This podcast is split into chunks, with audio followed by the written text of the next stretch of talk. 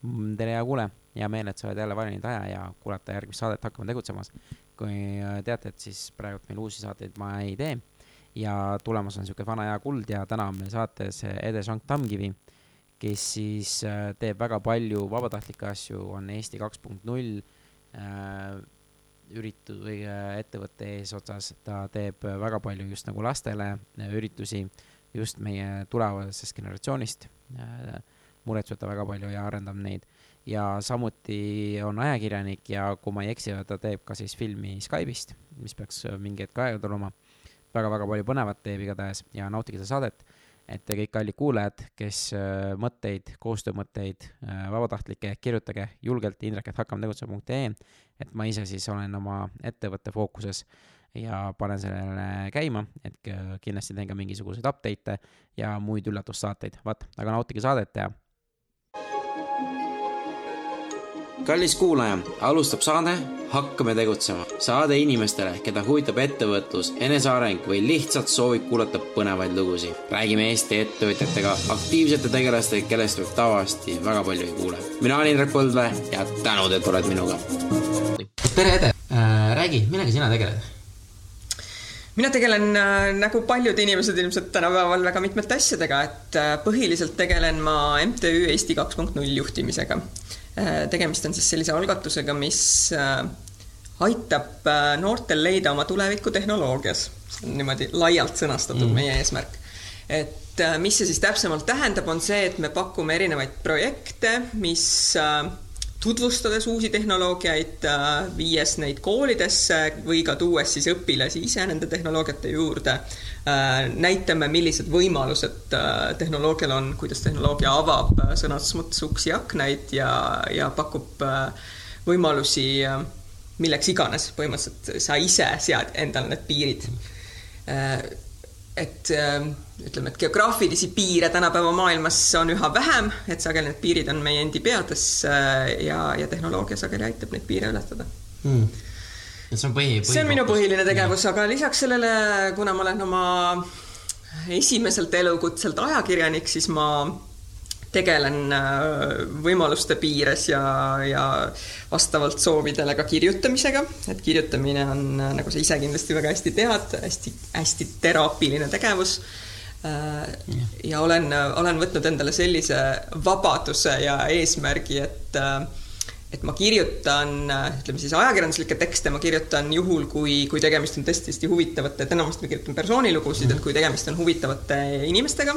kes on huvitavad inimesed sinu jaoks? Äh, inimesed, kellelt on midagi õppida, et äh, see klassikaline ütlus, et, et kui sa oled, tunned ise, et sa oled ruumis kõige targem inimene, siis sa oled mm. ilmselt vales ruumis. et ma üritan siis alati sattuda nendesse ruumidesse, kus on minust alati targemaid inimesi ja, ja seni, seni neid ruume on ikka veel väga palju Äh, ja, ja võikski siis olla sellised inimesed, kes, äh, kes siis inspireerivad mind ennast ja eeldatavasti siis ka seda publikut, kellele ma saaks neid lugusid vahendada. ja teisest küljest ma tunnen äh, ka teatud mõttes missiooni, et nagu ka selles põhitöös noorte suunamisel tehnoloogia erialadele, siis ka, siis ka selles ajakirjaniku töös äh, äh, igasuguseid müüte murda ja, ja kuna ma olen ise näiteks ka akadeemiliselt uurinud äh, naiste nii, nii naiste osalust meedias kui ka käsitlemist meedias, et siis ma, siis ma tahaks nagu aidata siin ka panustada sellesse, et neid stereotüüpe murda, et naised ei pea esinema ainult mingisuguste meelelahutuslike tegelastena või, või selliste mm. deviantidena, vaid nad ongi üha enam ka nii-öelda äh, autoriteetsetes rollides mm. -hmm otsustajate ja tegijatena.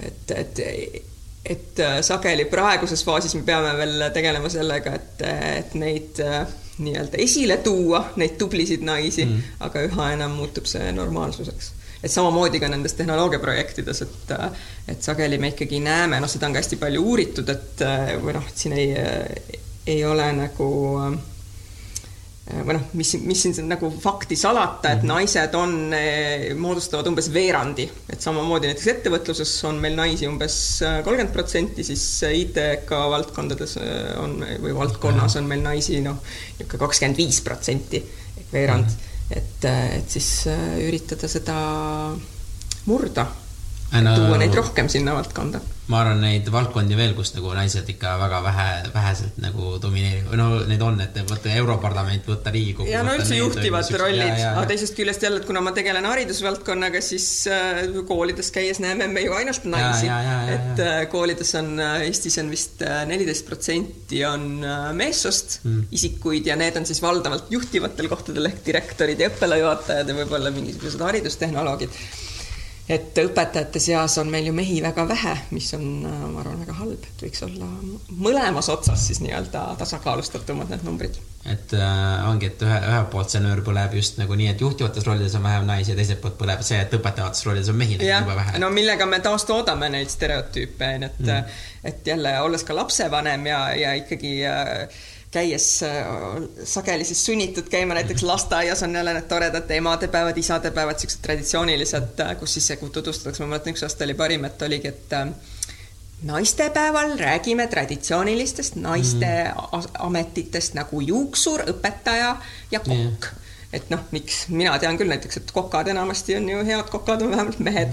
Ja ma arvan, et ka head õpetajad võivad olla mehed ja, ja ka mm. juuksurid võivad olla mehed, et ja teistpidi siis teistes ametites, mida me traditsiooniliselt peame meeste ametiteks, võivad olla ka hoopiski naised paremad. Mm.. ma olen sellega täiesti nõus, et äh, sellised toredad raamatud, mis, mis vana juba tükk aega on, et see Rebel Girl, see on sihuke, ma ei tea, kas sa ise oled näinud või ei ole, aga Äh, kaks Itaalia naisterahvast vist olid mingi startup'erid ja ebaõnnestusid ja siis nad kirjutasid raamatu, et äh, sada naist, kes on igasuguseid muid ameteid, kes on kosmonaut, kes on poksija, kes on see, et just, et äh, naisi nagu julgust, tüdrukuid julgustada mm. -hmm. ja nüüd tehti ka eesti keeles ja Eesti naised ja need mm -hmm. on, et, et selles mõttes on noh, ma arvan, et see on hea samm edasi, et, et ongi, et, et mis ma olen ka oma lapse pealt ongi, et, et Need unejutud on ju tavaliselt Disney printsessid, vaata, kus need stereotüübid tekivad mm. -hmm. on see, et äh, printsess on kuskil lossis lõksus, siis tuleb äh, hobusel valge prints, on ju, päästab ära ja siis elavad õnnelikult, et naine on see, kes nagu ohvri rollis on umbes, et. no aga kuna me on... näeme näiteks äh, niisuguseid äh, stereotüüpe murdvad äh, lood juba tulevad jõuliselt peale, nagu näiteks kuulus film Frozen või siis äh, ma ei tea, mis ta eestikeelne nimetus on, äh, jäätunud või? E-, Elsa. jääprintsess või midagi, noh, Elsa on peategelane, ühesõnaga, et see on jällegi hea näide sellest, kus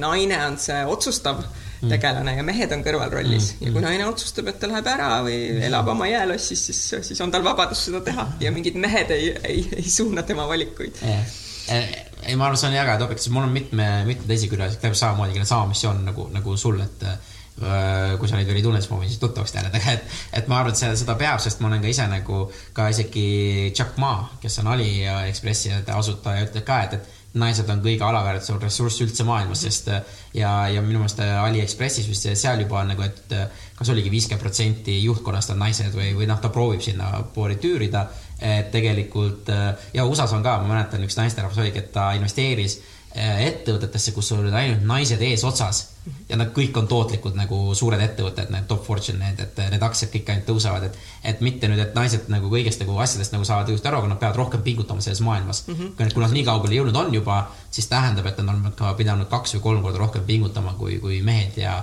ja sama on ka äh, investeerimist ja tõstmistel, ma just kuulasin saadet ka naised ütlesid, et äh, nad, äh, investorid küsivad naiste käest juba selliseid küsimusi, mida meesasutajate käest ei küsita mitte kunagi.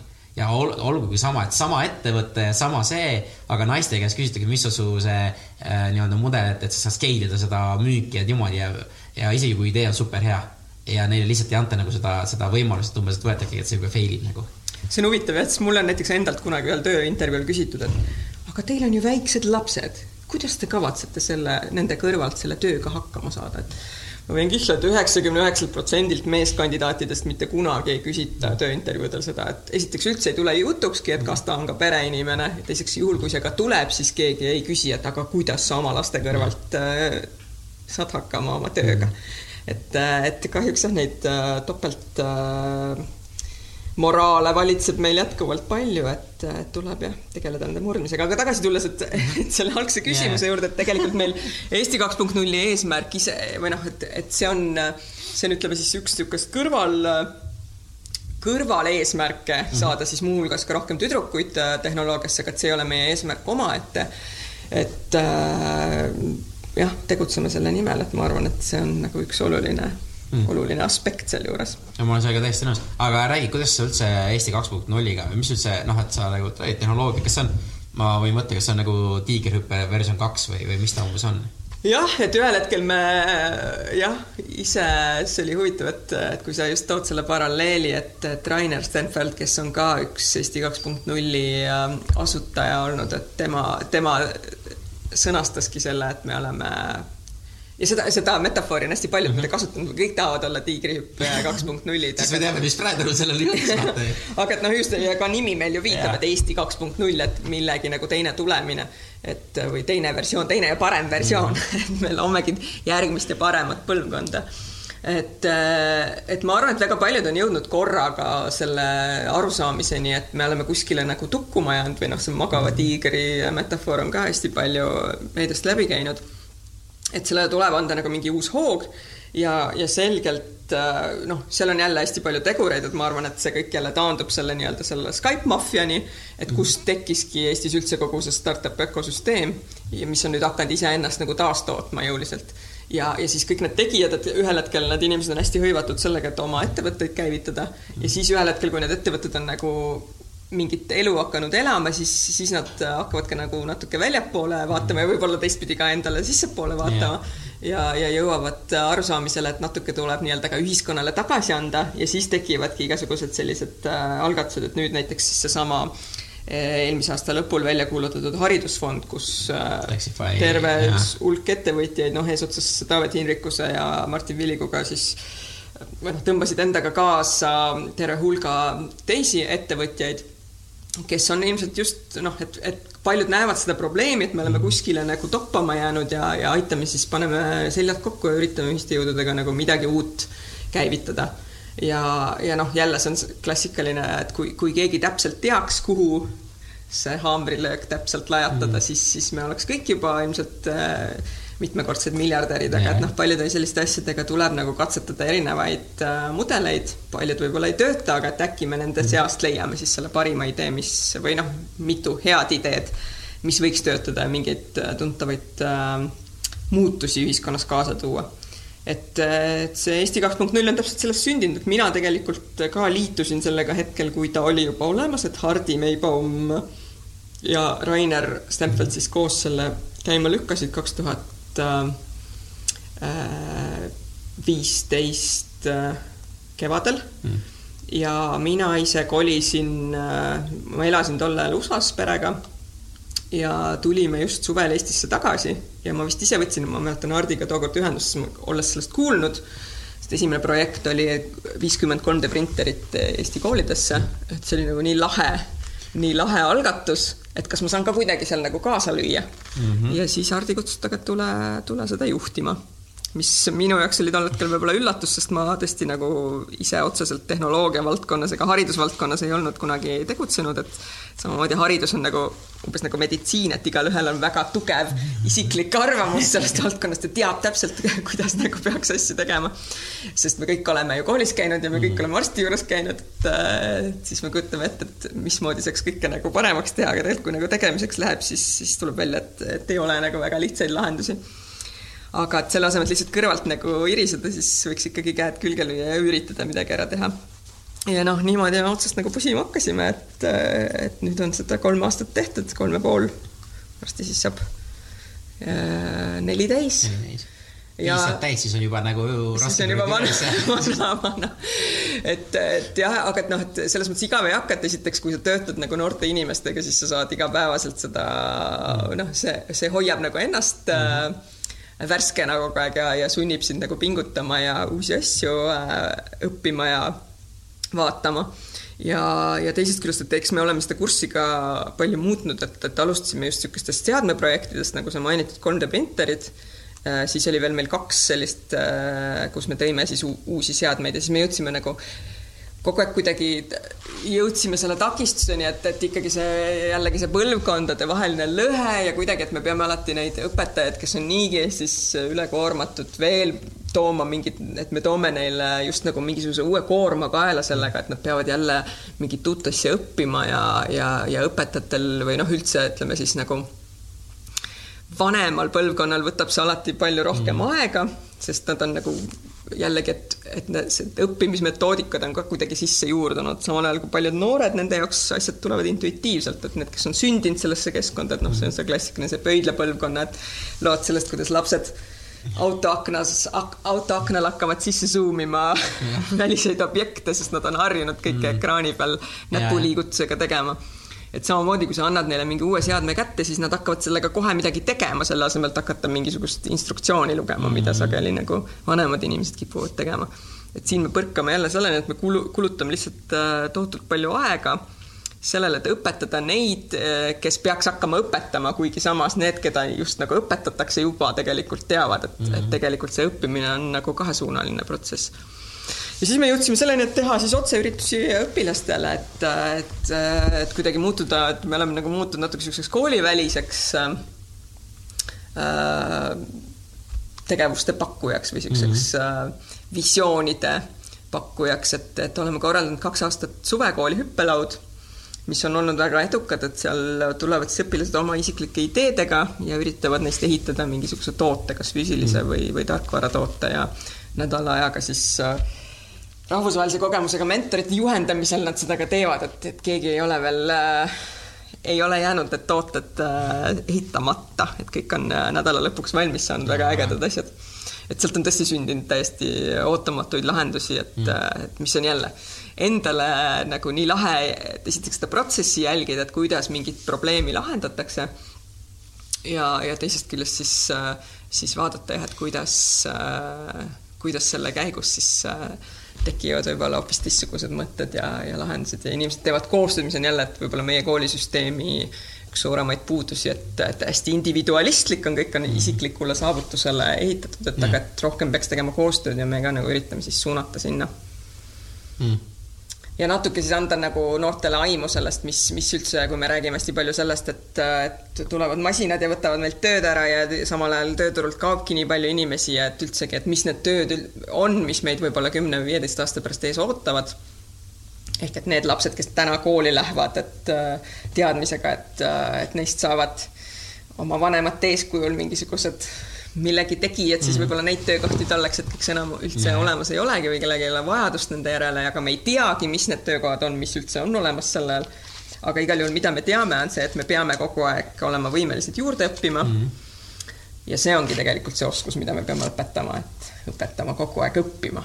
õppima ja proovima ja tegema. just nimelt ja mm. just see, et ka nagu ebaõnnestumine on äh, osa õppimisest ja vajalik, väga vajalik äh, asi ise läbi teha mm,. see on iga, igas selles, et äh, noh, meil startup selle community's käib see, et fail fast on ju, aga, aga mul endal on hakanud see juba nagu vastu, et, et mitte fail fast, vaid fail mindfully absoluutselt, et sa ise teed ja. sellest järeldused, äh, et just mitte, et, et noh, nüüd sellega fail isime, lähme kiirelt nagu edasi mm, -hmm. vaid sa mhm. ikkagi analüüsid selle läbi, et miks, miks see nii juhtus ja mida siit nagu siis teadmiseks võtta ja kuidas edasi minna targemana ja paremana aga ma uurin selle Eesti kaks punkt null, et sa räägid sellest tehnoloogilisest poolest ja sellest, aga ma jälle võtan oma selle hea, kuidas ma ütlen, selle koodi, et, et Jack Ma poolt on ju, kelle käest ka küsiti, et on ju, mis see tulevikutööd ja niimoodi on, et siis ta ütleski, et äh, mõttetu on hakata üldse robotitega võistlema, et äh, tuleb õpetada just neid äh, pehmeid oskusi,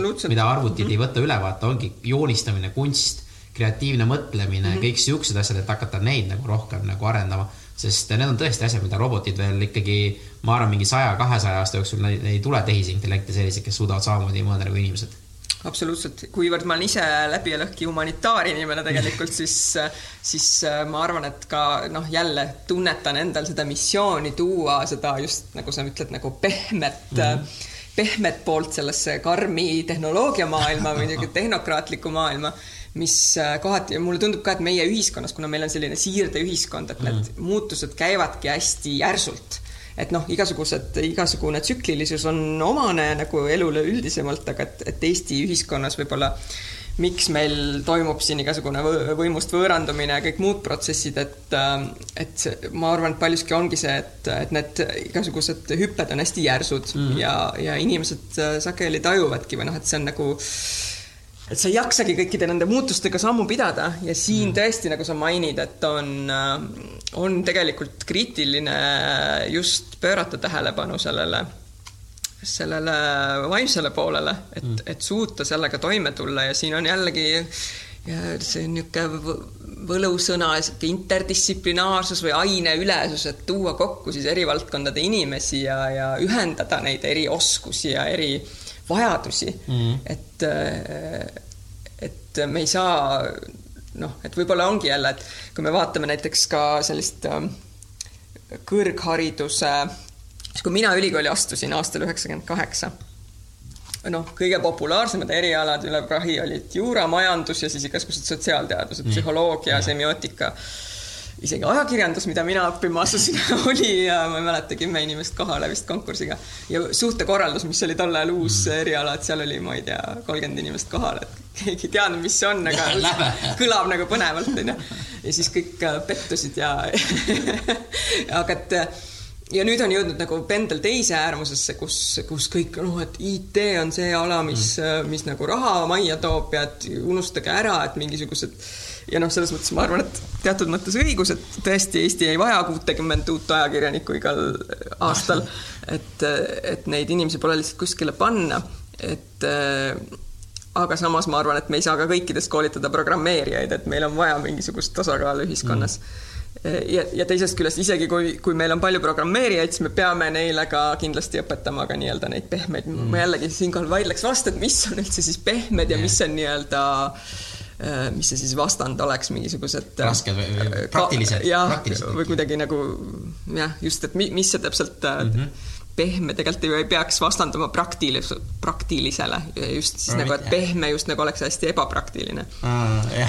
et ja, ja noh, kui sa mõtled pikas plaanis või kui sa loed inimeste elulugusid, et et need inimesed, kes äh, jah, tõesti maailma ajalukku sageli lähevad inimesed sellega, mis nad nagu nii-öelda erialaselt on ära teinud, aga sageli paljud neist on võib-olla e e eraelus väga õnnetud inimesed mm. ja, ja võib-olla nende elu ongi jäänud lühikeseks äh, mingisuguste eraeluliste põhjuste tõttu, et, et, et jällegi see koht, et rohkem tasakaalu kui sa mõtled jälle niisuguse lihtsa inimese, kui sa oma mingisugused, käid mingi vanaonu matustel, et mida temast meenutatakse, et siis ikkagi räägitakse üldiselt, kas ta oli nagu hea inimene, kuidas ta teiste inimestega mingi hästi tööd vaata. jah, või et oh, jõle hästi juhtis seal seda mingit osakonda mm., oli Maksuameti pearevident, küll oli hea pearevident küll võttis kõiki pihkide vahele, onju.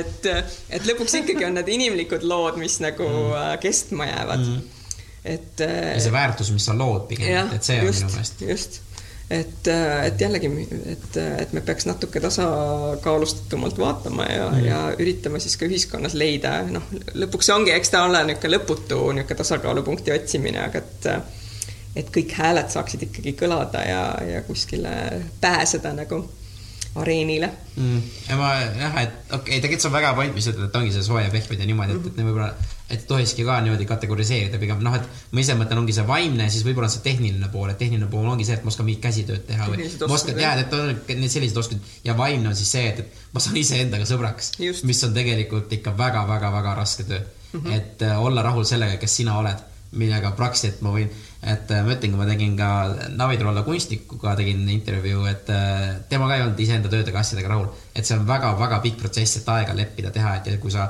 võtadki, mis ma enne ka mainisin, kõik need kunstnikud, kõik need äh, ühiskonnas sellised kuulsad inimesed, nad ei ole eraelus rahul olnud, sest nad ise nagu ei ole oma töödega rahul mm. -hmm. et äh, nad ise ei aktsepteeri ennast. aga see on sageli vaata jälle, et, et võib-olla sihuke rahulolematus on edasiviiv jõud, et kui sa oled hästi, hästi rahul ja sageli või noh, jälle näen Eesti ühiskonnast ka seda, et või miks meil on nii palju selliseid edukaid äh, maailmas edukaid mm -hmm. ettevõtteid või startup'e et, et siin on toodud hästi palju seda Steve Jobsi paralleeli, et stay hungry, stay mm. foolish, et me olemegi, me tuleme taustast, kus kellelgi midagi ei olnud, midagi ei ole ka häbeneda, sest midagi kaotada mm. ei ole, et siis sa oledki nii-öelda äh, valmis nagu rügama kakskümmend neli seitse, sihuke mm. tore ütlus, et äh, et lihtsalt kuskile ja just, et jällegi see Eesti väiksus, et me ei hakkagi nagu mõtlema, et ma kuidagi orienteerin oma toote mingisugusele siseturule, sest seda siseturgu kui sellist ei ole olemaski mm. -hmm. et siis su jaoks ongi nagu nii-öelda taevaspiiriks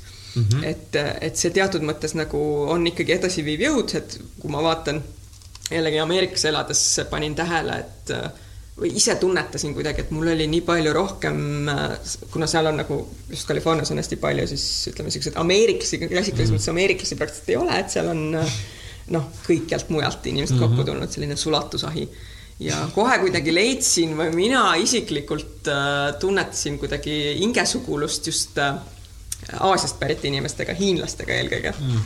et kuidagi meid, ma ei tea, kas on siis mingi niisugune kommunistlik lapsepõlv või, või ikkagi siis see, et näiteks just niisugused lääne-eurooplased äh, on niisuguses heaoluühiskonnas kasvanud ja neid noh, neil on hoopis teistsugused nagu probleemid mm.. või et nad, neil ei olegi, ütleme, niisuguseid klassikalises mõttes probleeme yeah. olnud, et nad on kasvanud üles külluses ja nad ei olegi pidanud ekstra nagu pingutama millegi saavutamise nimel.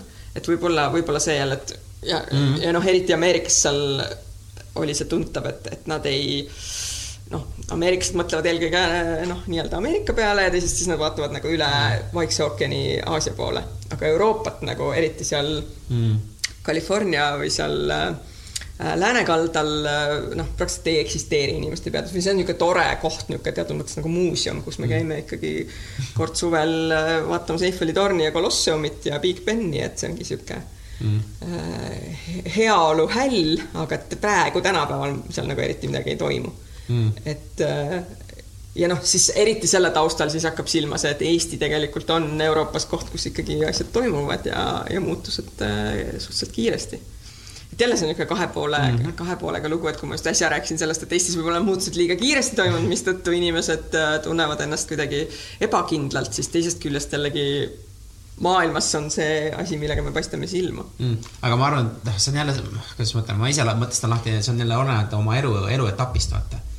Et, et äh, pigem ongi see, ma olen, okei okay,, ma olen noor või mis, ma olen mingi, kas siis kolmkümmend või nelikümmend või niimoodi, ma tahan midagi teha, ma pean see foolish hungry olema, võtangi mm -hmm. need riskid aga samas, kui ma olen kuhugi juba jõudnud, et siis okei okay,, kuule, et, et tegelikult peaks iseendaga hakata, sest ongi see, et sa tahad kogu aeg rohkem ja rohkem, et me ei tea, mida me taga ajame, vaata, kogu aeg äh, see järgmine mägi tundub palju ahvatlevam mm. -hmm. et ma juba selle mäetipu saavutasin ja siis ma tahan järgmist ja siis tulebki järgmine, järgmine, järgmine, järgmine ja nii, ja siis me ei vaatagi iseendasse ja siis me unustamegi kõik nagu need vaimse poole ära, et. no aga seda vaimset poolt võib ka samamoodi vaadata siukse tipuna või mm -hmm. noh, et oledki, kui sa oled saavutanud selle, noh, see on klassikaline see Maslow püramiid yeah., et kui sa saavutad baasvajadused, siis hakkad tegelema siis nii-öelda vaimsete vajadustega mm. -hmm. et, et kui sa oled siis selle jah, ma ei tea, kas nüüd siin ettevõtte loomine on nagu baasvajaduse rahuldamine, aga et, et ütleme, et see, et tõenäoliselt ettevõtjaks inimesed hakkavad eelkõige siis soovist äh, ennast majanduslikult kindlustada ja võib-olla siis äh, või noh, paljud ka üha enam või noh, eriti just siis nii-öelda tehnoloogiasektoris mm -hmm. ikkagi soovist äh, midagi muuta, struktuurselt mingit muudatust esile kutsuda või ühiskonnas nagu asju paremaks teha, mingit probleemi lahendada. Et ma arvan, et see on jälle see klassikaline, et mis, mis vahe on ettevõtjal ja ärimehel, et mm jällegi eesti keeles on ka see nagu keelepõhine hästi mm, -hmm. hästi nagu äh, keele äh, mingile keelele omane, et, et eesti keeles ma või noh, mina enda jaoks olen selle sõnastanud nii, et ettevõtja ongi siis see, kes üritab mingit probleemi lahendada ja ärimees on siis see, kes eelkõige üritab isiklikku nagu majanduslikku heaolu kindlustada. Mm.. et siis võib-olla see ühiskondlik muutus ei ole seal nii, nii oluline aga ei, aga samas noh, vaata, see on sama, mis ma praegu kui ma seda äriklubi teen, et seal me paneme ka nagu, et rahalise selle, et noh, et me teeme seda asja raha pärast, sellepärast kui mina teenin rohkem raha, siis ma võtan ka töölisi, kui ma võtan töölisi, ma maksan rohkem maksu, kui ma maksan rohkem makse, riik elab paremini mm. -hmm. kui riik elab paremini, saab jälle paremaid, et see on jälle, ma arvan, seisukohti, kuidas sa vaatad seda, neid. Äh, no absoluutselt, et sa võid, jah. kuidas sa enda jaoks lahti seletad lihtsalt, et, äh, et see on lihtsalt sihuke. noh, nii või jah töökohti luues paratamatult äh, või noh, igal juhul mm -hmm. tood sa ühiskonnale, lood mingit väärtust, et äh, aga ma saan sinu puhul ongi see, et, et see just see, et ettevõte, kes nagu, et tema teeb ka reaalselt, tema teebki seda ettevõtet puhtalt reaalse muutuse pärast, et ma tahangi seda keskkonda ja. ja seda nagu puhtaks, mitte see, et, et ma toon Hiinast äh, uusi pisikesi plastmassist elusid, mida ma proovin siin müüa, onju. okei okay,, ma teen käivet, mul on töökohti, aga sa ei tee seda maailma paremaks, et sa toodadki mingi plastmassjunni jälle, mis nagu mitte, noh, kes neid teeb, teevad. keegi peab tegelema selle nii-öelda jäätmete jah, teemaga täpselt, täpselt, täpselt, et, et ma, ma ma lihtsalt enda jaoks tõlgendan sinu, sinu nüüd enda jaoks lahti, vaata ei,. sa said õigesti aru Noh. mu mõttest vähemalt, vähemalt sain aru, jah, aga et, et jah, tulles tagasi selle sinu see metafoor, et, et kuidagi neid mägesid vallutada et siis, siis ma arvan, et sageli ongi see, et kui sa oled siis selle esimese mäe otsa jõudnud, et, et oma selles ettevõttes saavutanud mingisuguse heaolu või mis sa siis mm. iseenda jaoks oled selleks heaolu piiriks seadnud või noh, midagi siis ära teinud, et siis sageli jõutakse selleni, et hakatakse noh, nagu ma enne ka või noh, selle haridusfondi äh, teema puhul mm., et, et siis on nii-öelda see teistele andmise ja, ja siis iseenda mingisuguste seni kõrvale tõugatud äh, vajaduste rahuldamine, et siis sageli siis hakataksegi, et kes läheb äh,, ma ei tea, seljakotireisile lõpuks jah, et seljakotireisile iseendasse mm., et äh, et kuskile vihmametsa või, või hakkab mingit talu pidama kuskil maal või noh, mingid siuksed, et, et siis jõuavad tegelikult inimesed sageli nagu selleni, kes nad nagu tegelikult on mm. -hmm. no tegelikult mina leian, et, et noh, inimesi on raske muuta, vaata, et kui sul, kas sul on äh, äh, palju vähe raha või vähe raha, aga kui sa oled ikka sisemiselt idioot, siis ei ole vahet, onju, kas sul on vähe või raha, palju raha, sa oled ikkagi idioot, vaata. no et, et noh, noh, sa ei muuda inimesel seda, seda koori, vaata, et, et äh, noh, ka Tony Robbins oma nagu koolitusel räägib, et et, et ta oligi kuueteistaastane või mis iganes vanus tal oli, tal oli väga vähe raha ja ta andis selle kodututele ja ta andis selle ja ta andis, et ta noh, ta oligi, tahtiski aidata, vaata, et kui sa tõesti ka aitad, siis sa ongi, kui sul ei ole raha, millega aidata, siis sa äh, investeerid seda oma aega, lähed kodutute varjupaika, mis iganes teed seal, et kui sa oled ikkagi hea inimene, siis sa teed neid asju, ma arvan, et kui ettevõtja ka sa alustad, onju, kui sa oled ikkagi hea, siis sa alustad, teed seda äh, missioonitundes seda kohe algusest peale nagu hea, heade kavatsute, hea sellega ja, ja mina lihtsalt äh, tunnen seda, et, et see, mille pärast mul see vaimne pool on ju oluline, et kui sa mõtled positiivselt, kui sa oled rahul iseendaga, kes sa oled, siis see kuidagi maailm lihtsalt hakkab sulle mingeid teatud võimalusi rohkem ja rohkem andma. absoluutselt, ma olen enda põhjal seda ka väga palju täheldanud, et kui sa oledki, näiteks ma mäletan, oligi -hmm. täpselt see hetk, kui me Ameerikast Eestisse kolisime tagasi ja ma olin tegelikult juba otsustanud, et ma pühendun siis sellele Eesti kaks punkt nullile -hmm. ja ilmselt ma siis nagu võib-olla sellise nii-öelda ka Californiast kaasa toodud sihuke positiivsus ja energia ja päike ja ma olin nagu eluga rahul, mul oli just äh, kolmas laps sündinud ja kõik kuidagi pereelu oli nii heas olukorras ja, ja ilmselt ma kiirgasin igas mõttes sellist positiivsust ja mul ei ole kunagi tehtud nii palju tööpakkumisi nagu selle poole aasta jooksul et noh, reaalselt kümneid, ma arvan mm., pakkumisi, et ilmselt ongi, et see, et see nakatab ja noh, mis ongi, et noh, räägitakse, et, et mõnel inimesel nagu on hea õnn ja teisel on halb õnn, aga et et kokkuvõttes see ongi nagu jälle kehtib siin vana hea reegel, et kus on, sinna tuleb juurde, ehk et kui sul nagu juba läheb hästi, sa oled positiivne mm, -hmm. Teistele inimestele meeldib sinuga koos olla, sest sa annad neile energiat või noh, nii-öelda, et sa -hmm. kuidagi süstid neisse seda positiivsust ja loomulikult kõik tahavad siis nagu olla sinuga veel rohkem koos ja ja et kui sul on valida kõrval mingisugune torisev äh, virisev, kellel lähebki halvasti, sest ta ise taastoodab seda.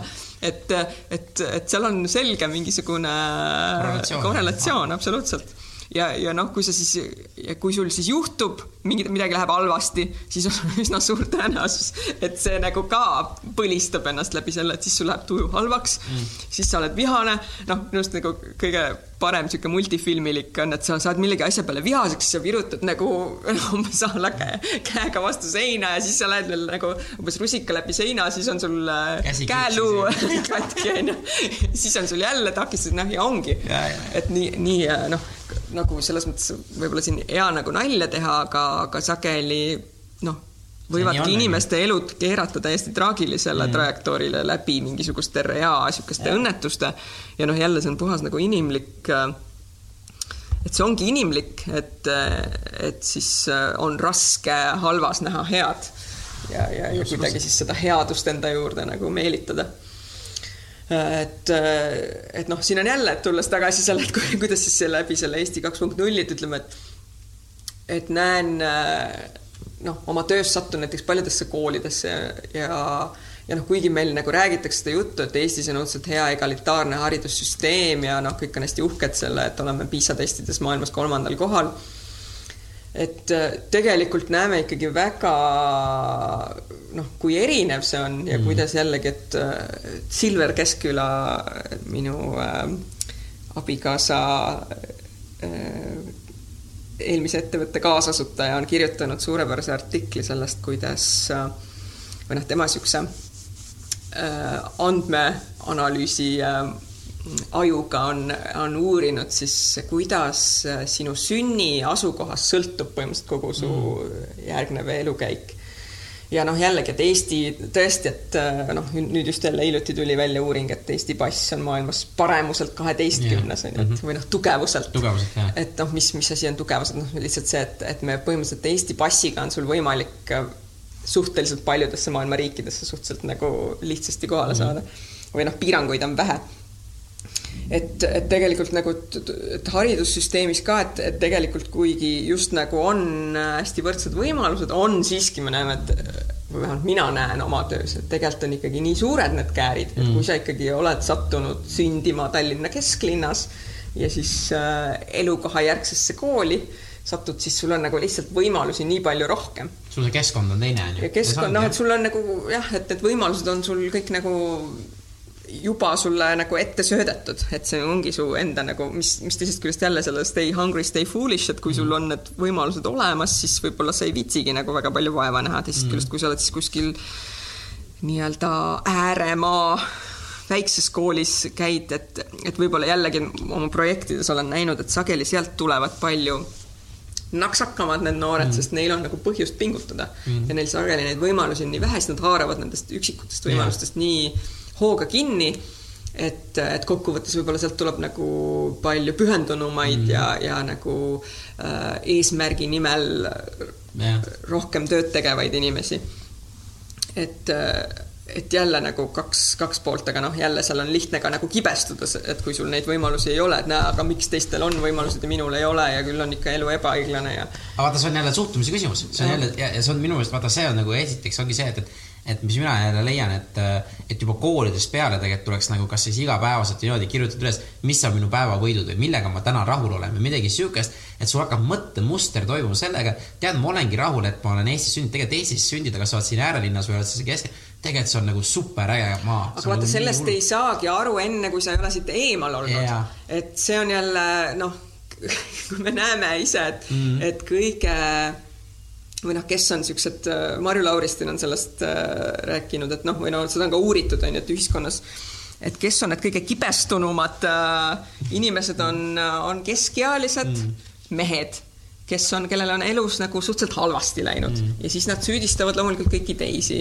yeah. peale iseenda nendes ebaõnnestumistes ja, ja see ja mida Lauristin on öelnud, ongi see, et tegelikult selle juured ongi meie haridussüsteemis mm. ja noh, siin on jälle teised uuringud, et Tiiu Kuurme Tallinna Ülikooli äh, haridus äh, äh, instituudi inimesed on seda uurinud, et et jällegi, et koolisüsteemiga vähemalt Eestis mm. kohanduvad oluliselt paremini tüdrukud, sest tüdrukud nii-öelda loomu poolest on kuidagi nagu leplikumad ja mm ja jällegi mitte võib-olla loomu poolest, vaid me oleme tüdrukuid õpetanud mm -hmm. sünnist saati olema nagu leplikumad mm. -hmm. et, et tüdrukud saavutavad koolis paremaid tulemusi ja siin on nagu jällegi nagu noh, sajad stereotüübid yeah.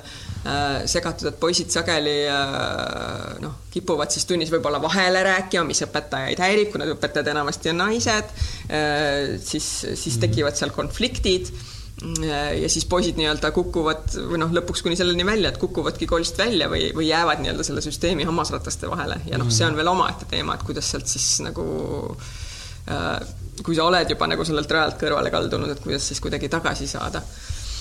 aga et äh, ja, ja noh, siis teisest otsast me jõuame sinna, et kui need tublid tüdrukud siis kooli ära lõpetavad kuldmedalitega ja tublisti teevad, et kõrgkoolides on meil ka naiste osakaal ju tugevalt üle poole mm. -hmm ja ma ei tea, kuni siis jällegi doktorikraadi saajate hulgas on millegipärast mehi rohkem. et, et kuskil tuleb siis see klaaslagi ette, et enamasti on siis sellega, et, et kui naised jõuavad fertiilsesse ikka ja saavad lapsed ja siis jäävad nii-öelda tublile, nagu meil on vanemahüvitis suurepärane, et siis poolteist aastat saab äh, lapsega kodus olla, mida meil siis ka valdavalt kasutavad, eks ole, emad, et siin on palju nagu bioloogilisi äh, põhjuseid, aga et äh, enam, enamasti on see siis siiski nagu nii-öelda sotsiaalselt loodud konstruktsioon, et ema peab olema lapsega kodus mm. -hmm. ja sellega siis on järsult nagu kohe tööjõuturul äh, kehvemas seisukorras. et jälle väga palju nagu äh,, nagu keerulisi teemasid, millega, millega ühiskonnas, et ühest küljest me oleme nagu loonud suurepärase meetme sündimuse kasvatamiseks, kuigi jälle ma ei tea, viimane uuring vist oli, et on kolmandate laste osakaal tõusnud, aga üldiselt sündimus meil ju püsib nagu suhteliselt, suhteliselt samas augus. et, et noh ühest küljest me teeme nagu noh, nagu, et teevad need meetmed head, teisest küljest teevad jälle karuteene meie ühiskonnale, kus me siis nagu tõrjume naised, ehk siis nagu see, see Jack Ma on öelnud, et kõige alahinnatum ressurss tööjõuturul. aga on, tegelikult minu jaoks on tegelikult äh, ma tean, et see on keeruline, aga, aga emad on tegelikult kõige äh, nagu efektiivsemad töötajad sellepärast, kui sa suudad kolme last äh, äh, kantseldada, aga samas näe, vaata, mina võtan ka selle nagu seisukoha, et ongi, et näe, et ema suudab, et mm. isa ei suuda, onju. et ongi see, et, et see on ka minu, minu enda see stereotüüp, ma mõtlengi, et noh, tavaliselt on need emad, kes on, et äh, on ka tublisid isasid ja neid, kes, kes võtavad, aga samas jällegi ongi noh, kahjuks on neid üksikemasid nii palju mm. -hmm. aga samas, kui tema suudab kahe või kolme või nelja lapsega kantseldada, teha ja kõik ära käia trennides, asjades igal pool järgi see naine on müstilise mm. graafikuga, see on nagu kuradi turbojänes, noh. et selles suhtes, kui talle annab mingisuguse projekti juhtida või mingisuguse siukse, et ainuke asi, mis ma, mis ma olen ise aru saanud, ähm, et need koduemad kahjuks nende enesekindlus kaob. et kui nad kodus on, äh, lastega toimetavad, et nad arvavad, et nad ei ole enam nagu äh, töökeskkonnas nii efektiivsed, mis iganes ja nad tulevad, mis iganes need äh, mõtted pähe on ju, see on jälle see vaimne pool, millega mm -hmm. ei tegeleta seal üldse et siis nad ei julge neid asju ja neid, ah, ma ei tea, ma vist ei saa hakkama, ei julge küsida, onju. võin kinnitada omast ja. kogemusest, et täpselt, et ma olin kahe esimese lapsega,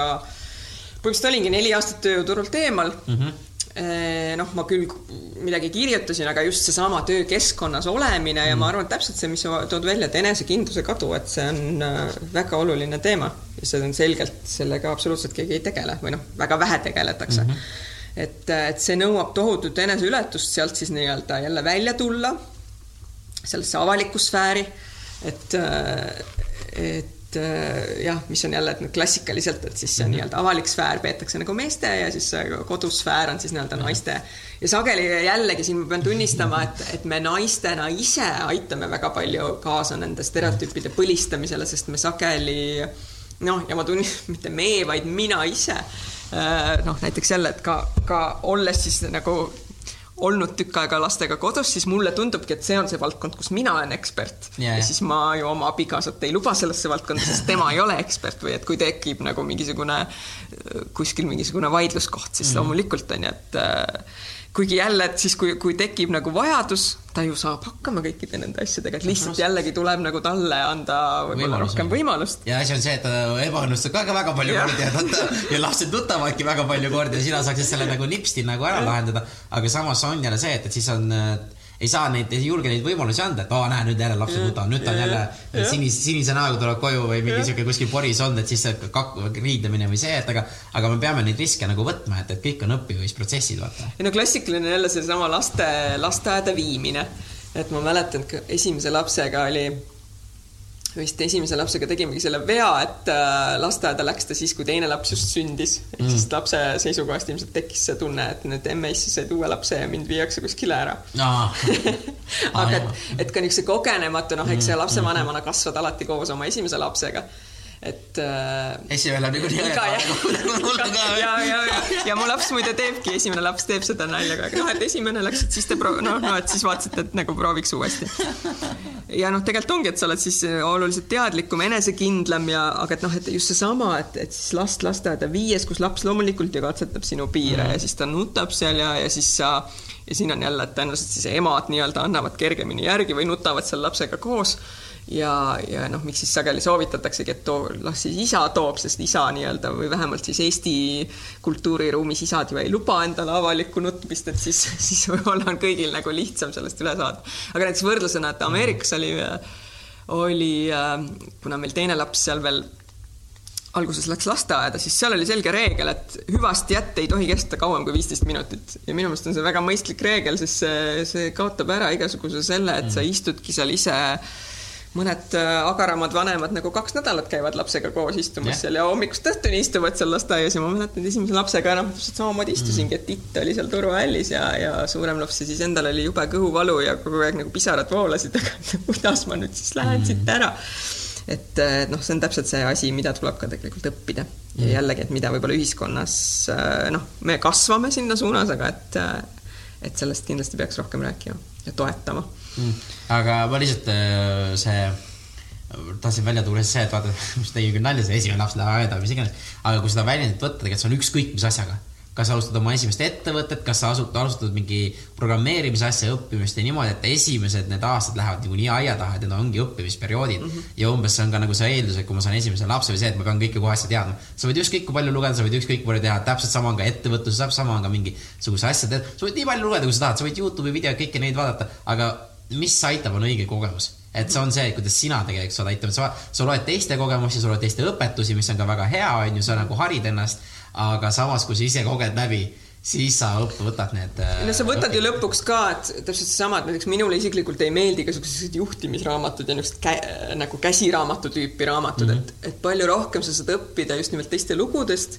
sest sa teed sellest ju alati mingisuguse enda jaoks olulise kokkuvõtte ja kontsentratsiooni et, äh, et samamoodi jah, et last käsiraamatu põhjal ei ole võimalik kasvatada, sest iga laps on ka ju tegelikult noh, ei ole olemas äh, kahte sarnast inimest. eile oli just olukord, kus ma sõitsin autoga ja jäin foori taha pidama ja tulid mingid kaksikud tüdrukud, kes olid nagu identselt riides ja noh, mm. tõesti, ma jäin ilmselt ja noh, nad mõlemad vaatasid mind siukse näoga, et ja, ja et noh, me saame neid pilke kogu aeg. aga noh, vaatasid, kas on võimalik, et noh, täiesti identsed kaksikud et ka nende liikumis kuidagi nad see, mõlemad vist hoidsid nagu käsi täpselt ühtemoodi. aga noh, tegelikult ei ole, et ja, ja noh, ka see jälle seesama koolisüsteem, et me peame üle saama sellest, et me nagu üritame suruda mingisugustesse raamidesse või mm. või saada toota mingisugust nagu laps kui toode või, või no, nagu et, et me peame rohkem tunnustama just seda isiklikku eripära jah, ja et ongi kõik ja, ja kuigi ka nagu lapsevanemana ma näen, et, et võib-olla mul on nagu a la noh, poisid on ju ikka rohkem ühtemoodi ja poisid ja ka tüdruk, et tegelikult noh, iga laps on täiesti erinev ja, ja see asi, mis töötab ühega, ei pruugi töötada teisega ja vastupidi, et, et see ongi nii-öelda sellega kaasaminek ja, ja olukordades kohandumine. ei no aga see on ka samamoodi nagu teekond, mul üks saatekülaline ütles jube hästi, et et tal on vanem poeg on kaheksa aastane, onju ja siis ütled lapsele ka, kuule, tead, mina olen esimest korda ema, sina oled minu esimene laps, et ma ei tea täpselt, kuidas asjad lähevad. et see on ka minu jaoks teekond, et me õpime mm -hmm. koos. absoluutselt, täpselt ja, nii ongi. ja mulle nii meeldis, kuidas ta ütles, et, et ja nii ongi noh, et, et sellest nagu aru saada, et, et ma õpin, ma ei tea täpselt, mis juhtub, kui sa üheksaks saad või mis siis juhtub, onju, et ma võin ainult natukene eeldada no minu vanem laps saab nüüd kohe kolmteist ja ma olen ikkagi veendunud, et äh, ta ei, absoluutselt ei ole aia taha läinud, vaid vastupidi, on päris hästi välja tulnud, nagu ka teised lapsed. et, äh, et mulle just oma laste puhul meeldib see, et nad on, neil kõigil on nagu väga hea huumorimeel mm. nagu oma vanuse kohta, ma arvan, väga heal tasemel huumorimeel et, et nad, äh, et me oskame koos nalja teha ja, ja meil ongi nagu niisugused omavahelised naljad millest ainult meie aru saame ilmselt. Et, et ma ja, ja absoluutselt, et me kasvame koos ja võib-olla ongi, või mitte võib-olla, vaid absoluutselt kindlasti on neil mulle võib-olla palju rohkem õpetada kui minul neile. Mm.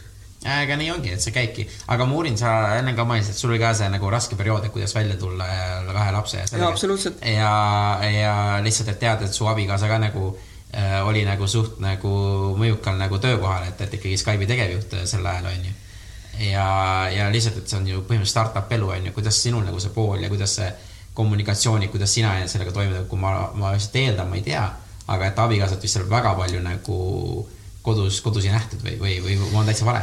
no tegelikult ongi, ma just ka mingisuguses inter-, Tehno andis kuskil hiljuti järjekordse mingi intervjuu, kus ma lugesin, et äh, või noh, see, et kuna tema töö on või millega ta nüüd viimased aastad pärast Skype'i on tegelenud, ongi nagu aidata inimestel äh,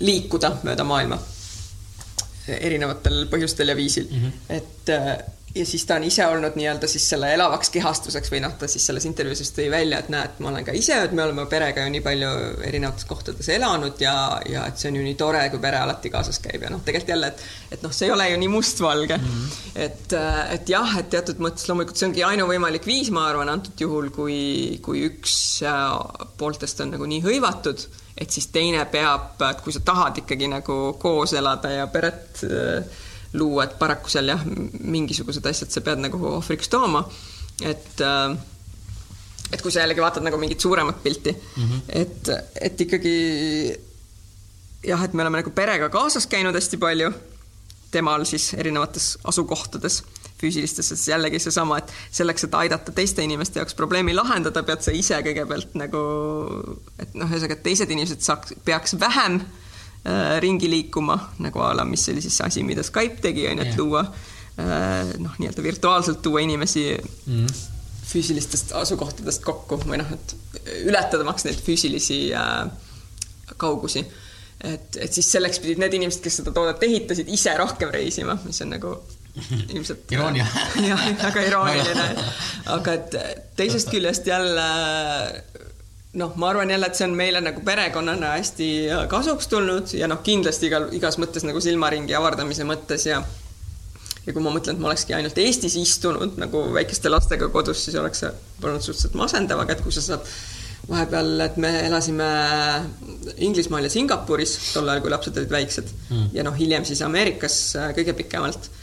Et noh, siis nad küll juba läksid nagu kooli ja lasteaeda, et siis, siis tekkiski ja noh, siis millega mina siis tol hetkel seal nii-öelda selle augu täitsin, et ta oligi, et siis ma hakkasin raamatut kirjutama mm. ja siis minust sai seal niisugune kohalik äh, Eesti aktivist millest ma olen siis hiljem ka nagu magistritöö kirjutanud, et kuidas kogu selle nii-öelda diasporaase eestluse alalhoidmine, et kuidas see, kuidas, mis on seal need mehhanismid ja käivitavad mm. jõud ja mis sellest kokkuvõttes välja tuleb, et, et jällegi hästi huvitavaid, et, et ma olen nagu siis ise üritanud neid olukordi enda kasuks pöörata, kuhu ma olen just nagu äh, noh, ma ei saa öelda vägisi sattunud, sest ma olen ise ju, ju valinud selle tee et äh.... aga samas noh, see olnud, see oli selles mõttes jah, ta oli see ühine perekonna valik, aga see mm -hmm. asukoht oli ju nagu mehe nagu, et tema no, sinna, et see on see, et, et sinu käest ju küsisid, kuule, millisse riiki tahad minna, kas tahad minna Saksamaale, Hispaaniasse, Norra, Rootsi, mis iganes, vaid see ongi, näe, me peame Singapuri minema ja nüüd lähmegi, vaata. et selles suhtes ta nagu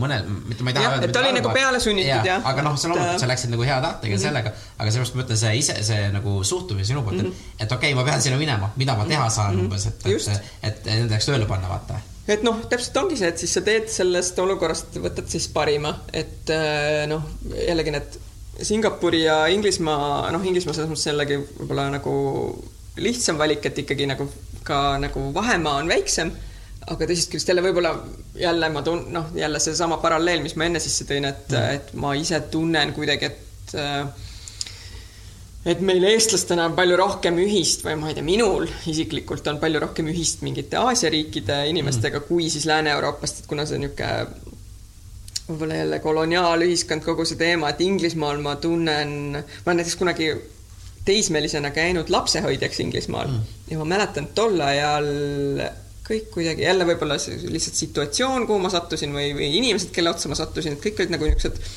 positiivselt uudishimulikud et oi, kas Eesti, see on ju osa kuskilt Ungarist või noh, niisugused täiesti nagu uskumatud teadmised Eestist ja siis, kui me hiljem elasime, kui Eesti oli juba ametlikult Euroopa Liidu liige ja, ja minu abikaasa siis töötas ähm, tähtsal ametikohal ja ma olin juhtumisi siis lastega kodune seal äh,, siis, siis nagu tajusin, siis olid vaata ootamatult äh, tänu piiride avanemisele siis hästi palju Ida-Euroopa töötajaid mm. nagu äh, kogu selle Suurbritannia tööjõuturu üle ujutanud ja, ja millised eelarvamused ja, ja noh, otse öeldi ikkagi näkku, et sa oled nagu, teed sealt Ida-Euroopast olete kõik mingid prostituudid ja yeah. torumehed ainult, et või noh, vargad veel halvemal juhul onju, et ja noh, mis on kokkuvõttes kogu see ksenofoobia ongi viinud nüüd Brexitini onju, nii et palju õnne neile, aga et et noh, Aasias mitte mingit sellist ja noh, pigem, pigem ikkagi jätkuvalt niisugune positiivne uudis ja USA-s samamoodi, USA-s küll noh, absoluutselt see Eesti lugu käib nagu nii palju ees või vähemalt Californias või Silicon Valley's, et sa ei pea kellelegi hakkama jutustamagi, et mis koht see Eesti on, sest kõik juba teavad. et, et selle võrra on nagu nii palju lihtsam äh, minna, et et aga jah, et see keskkond, et tuleb nagu teha, võtta see parim sellest, mis võtta annab, et, et ma arvan, et ma olen suutnud nagu pöörata siis enda kasuks need kogemused mm..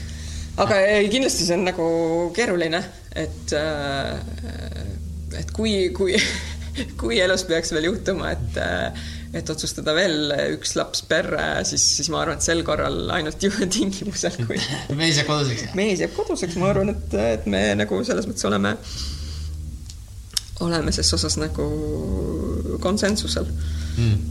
et ja ma arvan, et ka tema, temal on aeg nagu vaadata seda poolt et uurida, uurida, uurida seda startup'i elu nii-öelda. jah, just. Ja no absoluutselt see ongi, see ongi täielik startup. Või et samamoodi nagu startup on sinu beebi, on sinu beebi sinu startup. Mm..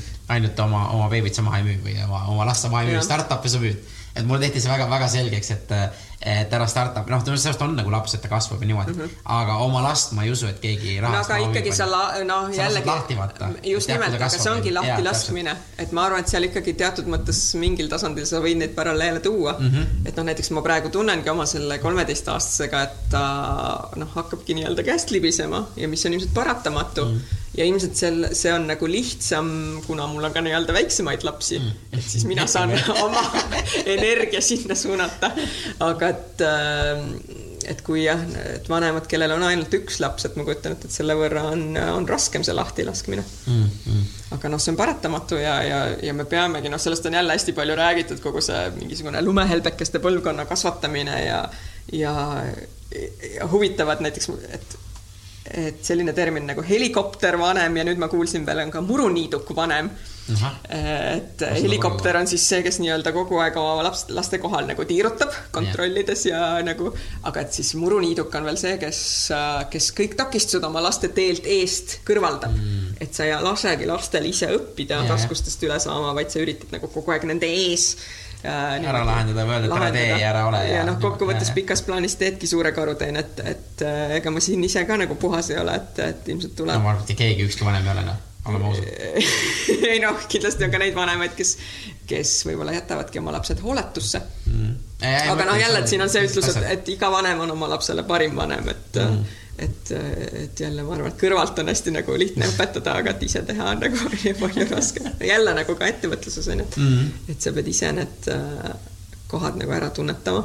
jah, et äh, mul just siin äh, ka edasi.org asutaja Janek ütles, et kui ta Mart Laariga rääkis, et, et tegelikult, et te, inimesed ei õpi teiste vigadest et eh, nad peavad ikka need vead ise läbi käima mm, -hmm. aga siis, kui sa oled teiste jutust kuulanud, sa oskad neid võib-olla ennetada ja kiiremini välja tulla, aga vead sa ikka, enamus ikka käid ise läbi või sa võimalik oskad siis neid nagu tuvastada, et sageli ja. ma arvan, milles nagu, millest suuremad fopaad tekivad, ongi see, et sageli sa ei tunne neid vigu, et sa mm, -hmm. sa nii-öelda elad selle vea sees ja mässid ennast üha sügavamalt sisse, aga et. sa ei näe väljapääsu. jah, ei näe väljapääsu. kui sa oled, kui sa oled neid erinevaid aspekte kuulnud, on ju okei okay,, et ja sellepärast ma arvangi, mis sa ka enne mainisid, et elulood ongi nii põnevad, sellepärast et kõik on mingisuguses aspektis läbi käinud mm -hmm. ja sealt sa võtad, et kui ma Peep Vainuga rääkisin, siis ma küsisin ka tema käest, et kas tal on läbipõlemisi siis tal ei ole läbipõlemisi olnud et ta tunneb ära, kuna see tuleb, et siis ta võtab ka aja maha või mm -hmm. nüüd ta võttis neli aastat aja maha, et muusikat õppida, aga kõike seda, aga lihtsalt, et, et ongi, ta on rohkem teadlikum sellest. aga see ei tähenda, et ta üle ei tööta, see ei tähenda, et ta neid asju ei tee või vigu ei tee. see lihtsalt ongi, sa oled lihtsalt natukenegi teadlikum enda, enda tegevustest. absoluutselt, et ma üks, kui rääkida veel lugem- või noh, raamatute lugemisest yeah., et ma loen hästi palju biograafiaid ja etnograafiaid, siis nagu äh, tulenevalt oma teisest haridusest, et äh, üks parimaid raamatuid, ma arvan, mis mind ennast on hästi palju mõjutanud, on äh, Shashram Khosravi on selline antropoloog, äh, kes praegu elab ja töötab Rootsis, aga ta on, kui ma ei eksi, Iraani päritolu ja, ja lugu ja noh, tema nii-öelda autoetnograafia jutustabki siis sellest on äh, Illegal Traveler on selle raamatu nimi, mis räägib siis põhimõtteliselt nagu piiride ületamisest mm.. et nii füüsiliste piiride ületamisest kui ka eelkõige siis mm. nagu nendest mm. vaimsete piiride ületamisest.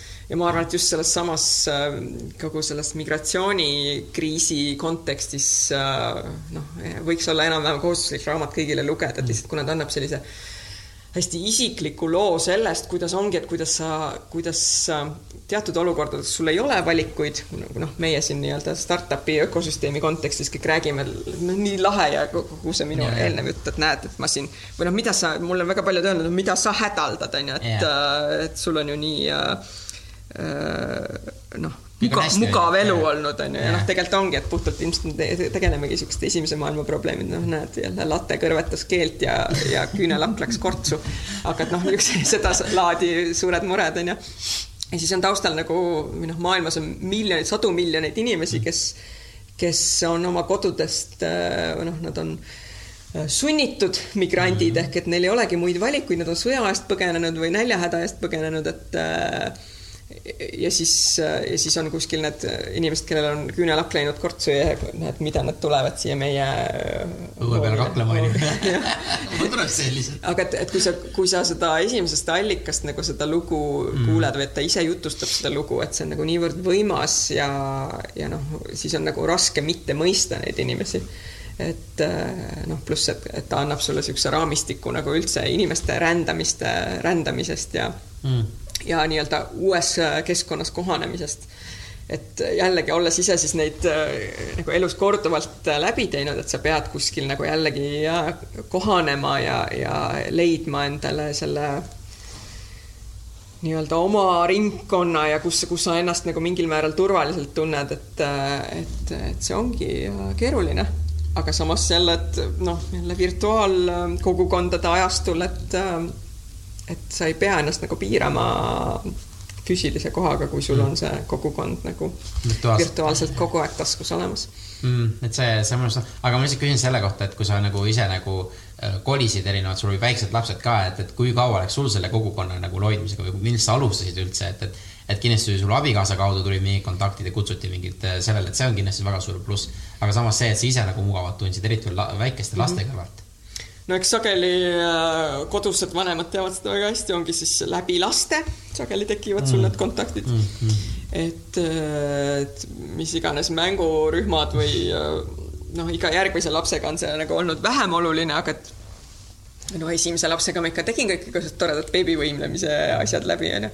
et aga et ka, ka teise keskkonda kolides on siis ikkagi jah, läbi kooli paljuski tekivad need kontaktid ja noh, minu puhul oli siis see, et ja kuna me läksime Ameerikasse minnes, oli see, et esimesel aastal me olime selles Stanfordi mullis, noh, ma olen sellest oma raamatus kirjutanud, et mm -hmm. minu see, minu California raamatu alapealkiri ongi Mull mullis, et see ongi nagu igas mõttes niisugune suur mull mm -hmm. või mitmekordne mull. et äh, ja siis ma mäletan, kui me sellest Stanfordi mullist, et kuna mu abikaasa oli nagu esimesel aastal, see oli hästi intensiivne kooliprogramm ja minagi siis üritasin seal nagu hästi aktiivselt, esiteks ma võtsin ka loenguid ülikoolist, teiseks siis kogu see seltsielu, mis seal käis, et, et kuna sellest tema klassis oli ma ei mäletagi, kolmekümnest eri rahvusest inimesi või siis olid kogu aeg siuksed igasugused kultuuriõhtud ja ma olin ka seal, võtsin endale siukseid aktiivseid sotsiaalseid rolle, olin fotograaf ja aastaraamatu koostaja ja ja ürituste korraldaja ja nii edasi, et et jälle võtta sellest olukorrast parim ja noh, see oligi ka minu jaoks, ma arvan, et see oli nagu noh, inimesed maksavad ränka raha, et, et saada selliseid kogemusi, mida mina siis sain eh, lihtsalt tänu sellele, et mu abikaasa seal õppis. aga samas sa lihtsalt ei olnudki enne, kui mulle jutustasid, lihtsalt niisama nagu tuuslasid kaasa, vaid sa võtsidki vabatahtlikku asju, et olla ja kaasatud, sa olid ise ja, aktiivne, vaata. oleks see, et mõni võtabki see, et ah, näe, kurat, me jälle kolisime siia, käin kuskil mingi mõttetul üritusel, teen niimoodi. see on jälle, vaata, see on see suhtumise küsimus, ma ütlen. et see ongi see, et sa võtsidki selle aktiivse rolli, ma teen nüüd neid asju, ma teengi neid asju, ma panen omad oskused, mis on. no just, et jah, ja juurde ka õppida, et absoluutselt, et noh, jälle noh, ilmselt ongi inimesed erinevad, onju, et, mhm. et ma üritan ka ikkagi, ma, ma olen klassikaline sihuke elukestev õppija ilmselt et äh, elupõline suvereporter, ma ise, ise nagu teen nalja.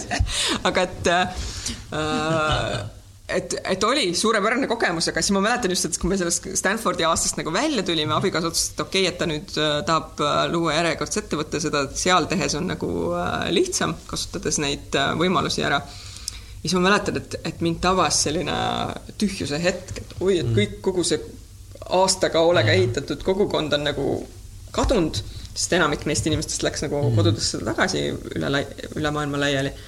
Ja siis järsku ma avastasin ennast äh, sellest Eesti, et siis ma avastasin selle nii-öelda Eesti kogukonna. eestlased äh, diasporaas jah, millest siis hiljem sündis mul magistritöö ja nagu paljuski andis ainest ka minu selleks raamatuks või jälle sisekaemused et äh, või noh, jõudsin siis tagasi kuidagi, et, et olin mõnda aega kirjutamisest eemal olnud paljuski hästi teadlikult. et siis jällegi jõudsin selleni, et tegelikult kirjutamine, ma alustasingi tegelikult, see raamatu kirjutamine algas sellest, et ma hakkasin blogi pidama mm.. Ja ilmselt ma kuskil nagu juba aju tagasopis teadsin, et ühel hetkel tuleb sellest raamatut ja ma mäletan, et minu jaoks pikka aega nagu raamatu kirjutamine oli nagu suur eesmärk, et vot kui mul on raamatu, elus ühe raamatu avaldanud, siis on nagu suur asi tehtud ja siis ma mäletan, kui see raamat siis lõpuks ilmus, siis mulle tundus, et noh, et ma ei tea. täitsa normaalne. et see just nimelt, et, et see kuidagi tuli äh, noh, ma ei saa öelda, et ta nüüd lihtsalt tuli, aga et, et kuidagi ei olnud seda või noh, sageli, et nagu ette lood mingi kujutluspildi, et oh, milline, et siis, siis ei tea, mis nüüd nagu edasi, aga et siis kuidagi, et see muutub nagu väga iseenesestmõistetavaks elu osaks või kuidagi. et, et tegelikult jah, kirjutamist kindlasti, et, et ma, ma arvan, et ma elus ei jäta ja, ja nüüd olles kirjutanud ka ühe niisuguse lühibiograafia, siis ma tunnen, et vot see on nagu valdkond, millega tahaks, et ühel hetkel, kui oleks nagu rohkem aega, oleks hästi tore nagu süvitsi minna kuskil tuhnidagi arhiivides ja vot niisugune asi võiks ka mingi, mingi asi, mida ma tunnen, et vot seda tahaks kindlasti veel teha või sellega tahaks äh, rohkem süvitsi tegeleda. Mm millised äh,, sorry, ma vahele segada, millised need elu, millised, millised need inimesed on, kelle elubüroografias sa tahaks hakata rohkem uurida, kes on, mis valdkonnas või mis, mis oleks, praegu antakse sulle võimalus, näe, siin on raha, võta see inimene, kes oleks see inimene, keda sa tahaksid hakata uurima huvitav, me just üks õhtu abikaasaga kodus just äh, arutasime sel teemal ah. et äh, või noh, tegelikult ma tegelengi, et me, ma, ma olen, äh, tegelen ka praegu ühe dokfilmi tegemisega, mis räägibki sellest Skype'i loost. noh mm., just täpselt see, kuna mul on see ainulaadne roll, et ma olen seda kogu aeg kõrvalt, hästi lähedalt, aga kõrvalt näinud mm.. et ja neid inimesi paljusid ka nagu suhteliselt hästi tunnen et, et jällegi ikkagi ma arvan, biograafia puhul on nagu tegelikult igal inimesel on jutustada no, mingi väga põnev lugu. aga ma tahan, mis, nurga alt sa, et, et kindlasti see peab olema inimene, kes on kuidagi teiste elusid äh, mõjutanud mm. ja noh, kindlasti näiteks, et seesama Skype'i loos mulle isiklikult tundub, noh, Ahti Einla on nagu kõige põnevam, et ta lihtsalt karakterina niivõrd mm. mitmekülgne ja põnev isiksus mm. -hmm. et, et kui ma näiteks Skype'i seltskonnast peaks kellegi üksikuna välja valima, siis see võiks olla Ahti äh, et ka kõik see, mis ta pärast Skype'i teinud on ja, ja kuidagi see lugu on seal nagu kõige põnevam mm.. et äh, mis ei tähenda, et teistel ei ole põnevaid lugusid, aga et, et kuidagi. see on sinu jaoks nagu. ta peab jah, vaata, ta peab ikkagi isiklikult sind kuidagi kõnetama või, et intrigeerima millegagi. et äh, samamoodi see võib olla hoopiski mingi inimene kuskilt kauge aja tagant, et nüüd, et ma mhm. aitasin suvel, siis oli seoses selle Vabamu ekspositsiooni loomisega äh, Vabamu äh, loojat äh, proua Kisler Ritsot äh, portreteerida, mis on suhteliselt keeruline, kui inimene enam ise meie seas ei ole. et aga, et, et jällegi see nagu huvitav, kuidas teiste inimeste lood inimese kohta, kes on siit ilmast juba lahkunud, võivad nii palju nagu edasi anda ja mm -hmm. ja, ja ma arvangi, et just et ikkagi inimeste lood jällegi see võib-olla tuleb sellest minu antropoloogi haridusest, et et kuulata neid inimeste lugusid, et, äh, et ikkagi inimestel on nii palju rohkem jutustada kui mingisugustel tekstidel, mille küll ka on tootnud inimesed, aga et see on hoopis nagu teine. ei, see on nende tõlgetus selle tekstist. jah, jah, vot, et seal sa jälle paned mingid või noh, jälle, et, et igal asjal on loomulikult see noh, klassikaline kommunikatsiooniteooria on ju, et sul on sõnum, vastuvõtja ja siis yeah. mis, mis mõjuga see nagu kohale jõuab ja siis see müra seal ümberringi kindlasti nagu äh, määrab palju ja mis kontekstis ja mis su eelnevad teadmised ja kõik see on ju, et äh, et hästi huvitav, ma arvan, no jälle ma, ma ei, ma ei oskaks sulle siit nagu, et ma praegu näiteks loen Konstantin Pätsi elulugu, mis on mm. et ka ma võtsin nagu pühaks missiooniks siis eelmise aasta vabariigi aastapäev sada puhul lugeda Eesti kirjandusklassikat ja mm. nii-öelda Eesti ajaloos olulisi isikuid just nende perioodide kohta, kus ma ise tundsin, et mul on nagu võib-olla mingid lüngad sisse jäänud ja olles siis nagu mingi tuhat lehekülge läbi töötanud, siis nagu, et aga tegelikult sa selle inimese kohta nagu midagi teada ei saa mm., et näed, et, et ei ole enam elus neid, kes saaks jutustada temast yeah. ja need paberid ei kõnele. et, äh, et vot, kui ma ise kirjutaks, et noh, jälle hea on nagu kritiseerida, et kuigi mm. inimene on nagu väga suure töö ära teinud, on ju, ja kindlasti tänuväärse töö, aga et, et tuleb just nagu see lugu elama saada, et ma arvan, et see on nagu kirjaniku kõige suurem väljakutse aga no vaata, see on jälle noh, kuidas mina võtan jälle neid asju, ongi, see on äh, see on jälle see, et, mis sina nagu kirja paned ja mis sind huvitab, sa teed ju raamatuid enda jaoks. kõik on subjektiivne. täpselt on ju selles, mina ütlen jumal tänatud äh, salvestamiste jaoks. praegu me salvestame seda asja, see jääbki, inimesed, äh, mina kuulan, mina võtan siit oma asja, keegi võtab, võtab oma asja. mina ei suuda seda teksti, mis sina täna siin mulle nagu rääkinud oled, kirja panna näiteks, et mm -hmm. kuidas, kuidas sa iseloomustad, et mina iseloomustan ühtemoodi aga siis teine kuulaja kuuleb sind hoopis teistmoodi mm. -hmm. et ta on niimoodi olnud, et, et ma arvan, see ongi see, et kes see just ütles, et, et kirja, oligi vist Veep, et kirjaniku raamat on need sõnad raamatusse panna, aga kui see raamat on juba inimese käes, siis see on tema enda nagu äh, nii-öelda mõte ja meel paneb selle tööle iseenda jaoks, noh, tema mm -hmm. jaoks vaata. et võtab ise nagu, et see ei ole nagu kirjaniku teha absoluutselt ja noh, seesama noh, üldse tulles, et kuidas nagu kirjandustunnis meile nagu seletati mingisuguseid teoseid, mida autor tahtis sellega öelda. No, ma olen veel ülikooliski vaielnud õppejõududega selle, et kuidas meie ikkagi teame nüüd täpselt yeah. tagantjärele, mida see autor tahtis öelda, et meie saame pakkuda vaid oma tõlgendusi mm. -hmm. ja samamoodi, kui ma loen näiteks äh, ma loodan, et sa ka kasutad Goodreadsi, mis on nagu suurepärane viis oma jah. nagu loetud äh, materjali talletada ja teisest küljest siis lugeda ka võib-olla teiste nagu äh, arvamusi mingisuguste mm, -hmm. see on nii huvitav vaadata teinekord, et kus mõni raamat, mis mulle on väga meeldinud, kuidas nagu domineeriv arvamus on väga nagu võib-olla mitte nii positiivne ja teisest küljest jälle vastupidi, et et, et inimesed leiavadki täpselt selle, mis ja jälle võib-olla, kui ma ise loeks sama raamatut mingil hoopis teisel eluperioodil, leiaks ma sealt hoopis mingisuguseid äh, teisi asju, mis on nagu kõnetaks. et ei vaata, see on hästi huvitav, mis ma ise, mis ma ise nagu olen tähele pannud kaks asja, sellest on üks on eeldused ja ootused, vaata mm. -hmm. et eh, mina soovitan sulle raamatut ja eeldused, see sulle mm -hmm. meeldib ja ootus ka, et, et ma nüüd tegin jube hea tunde, et Edele, Edele soovitasin ja Edel läheb läbi ja ütleb, oi kuradi jama on see, et, et mis see on, et meie ootused on erinevad, sest me ei, me ei tea, mis, mis me nagu tahame ja sama mm -hmm. on mhm. ka see, just see erinevate eluperioodil, vaata minu meelest mm -hmm. see, et keegi ka ütles, et oo, ma olen mingi tuhat raamatut läbi töötanud, okei okay,, see on super, aga mis sa ka kasutad nendest mm. -hmm. et ongi see, et, et kui sa võid nagu mega palju lugeda aga kui sa mitte midagi ei kasuta sellest, mis kasu sellest lugemisest mm -hmm. on, vaata. ei no aga jälle see küsimus nii-öelda kvantiteedi ja kvaliteedi mm -hmm. dilemma, et et ma ka küll iga aasta seal Goodreadsis sean endale neid eesmärke, et yeah. mitu raamatut ma tahan läbi lugeda ja alati ma jään sellele alla. aga siis ma mõtlen jälle teisest küljest, et aga et esiteks ma loen suhteliselt nagu pakse raamatuid mm., mis kindlasti ei ole eesmärk omaette, aga kuidagi ma nagu kipun neid, biograafiad kipuvad sageli olema mm. suhteliselt mahukad raamatud ja teisest küljest just, et, et lugeda siis pigem näiteks, et ma olen ka ja ma noh, imetlen inimesi, kes omandavad näiteks selle kiirlugemistehnika mm. Aga et ma arvan, et mina isiklikult ei suudaks ja ongi, et, et noh, sageli ja nüüd ma olen suutnud nagu üle saada sellest, et ma niisuguse tubli Eesti kooliõpilasena ei loe nagu kaanest kaaneni, kui on ikka jama raamat, siis tuleb käest panna ja võtta järgmine onju. aga et, et, et ikkagi siis lugeda ja kui on nagu asi, siis sa võidki jääda sellesse nagu või noh, süveneda, mõelda ja mis ma ise olen aru saanud, hea raamat on see, kuhu sa nagu, et sa oled valmis nagu muud asjad käest panema selleks, et raamatut lugeda. et äh, et mitte seda, oh nüüd okei okay,, loen veel enne magama jäämist kümme lehekülge onju, mis on võib-olla ka jälle mingitel raamatutel ongi hea funktsioon sind magama panna et mingitel perioodidel, kui mul oli nagu unetusega probleeme, siis siis tuligi valida selliseid raamatuid. aga et, et lõpuks jah, ikkagi loeb just täpselt nagu sa ütled, et see, mis sa siis sealt nagu enda jaoks äh, välja filtreerid või et mis, mis siis sellest nagu kasu on mm, -hmm. et sa et kindlasti see maht ei peaks olema eesmärk omaette. täpselt. et teinekord on mingi hästi õhuke raamat, aga nii elumuutev, sest seal on action'id ja sul oligi just neid vaja ja ja ma räägingi, sa loed nelja aasta pärast uuesti selle raamatu, vaatad, et mis mõttes, et see on nagu nii äge, et, et sa mhm. saadki neid mingi -hmm. elutööd või noh mm -hmm., kunagi ei tea, vaata. et lihtsalt äh, ma ise ka näen, et ma kuulan audioraamatuid hästi palju ja minul on see, et kui ma audioraamatuid kuulan äh,, ma olen mõnda raamatut kuulanudki mingi kaheksa korda, noh.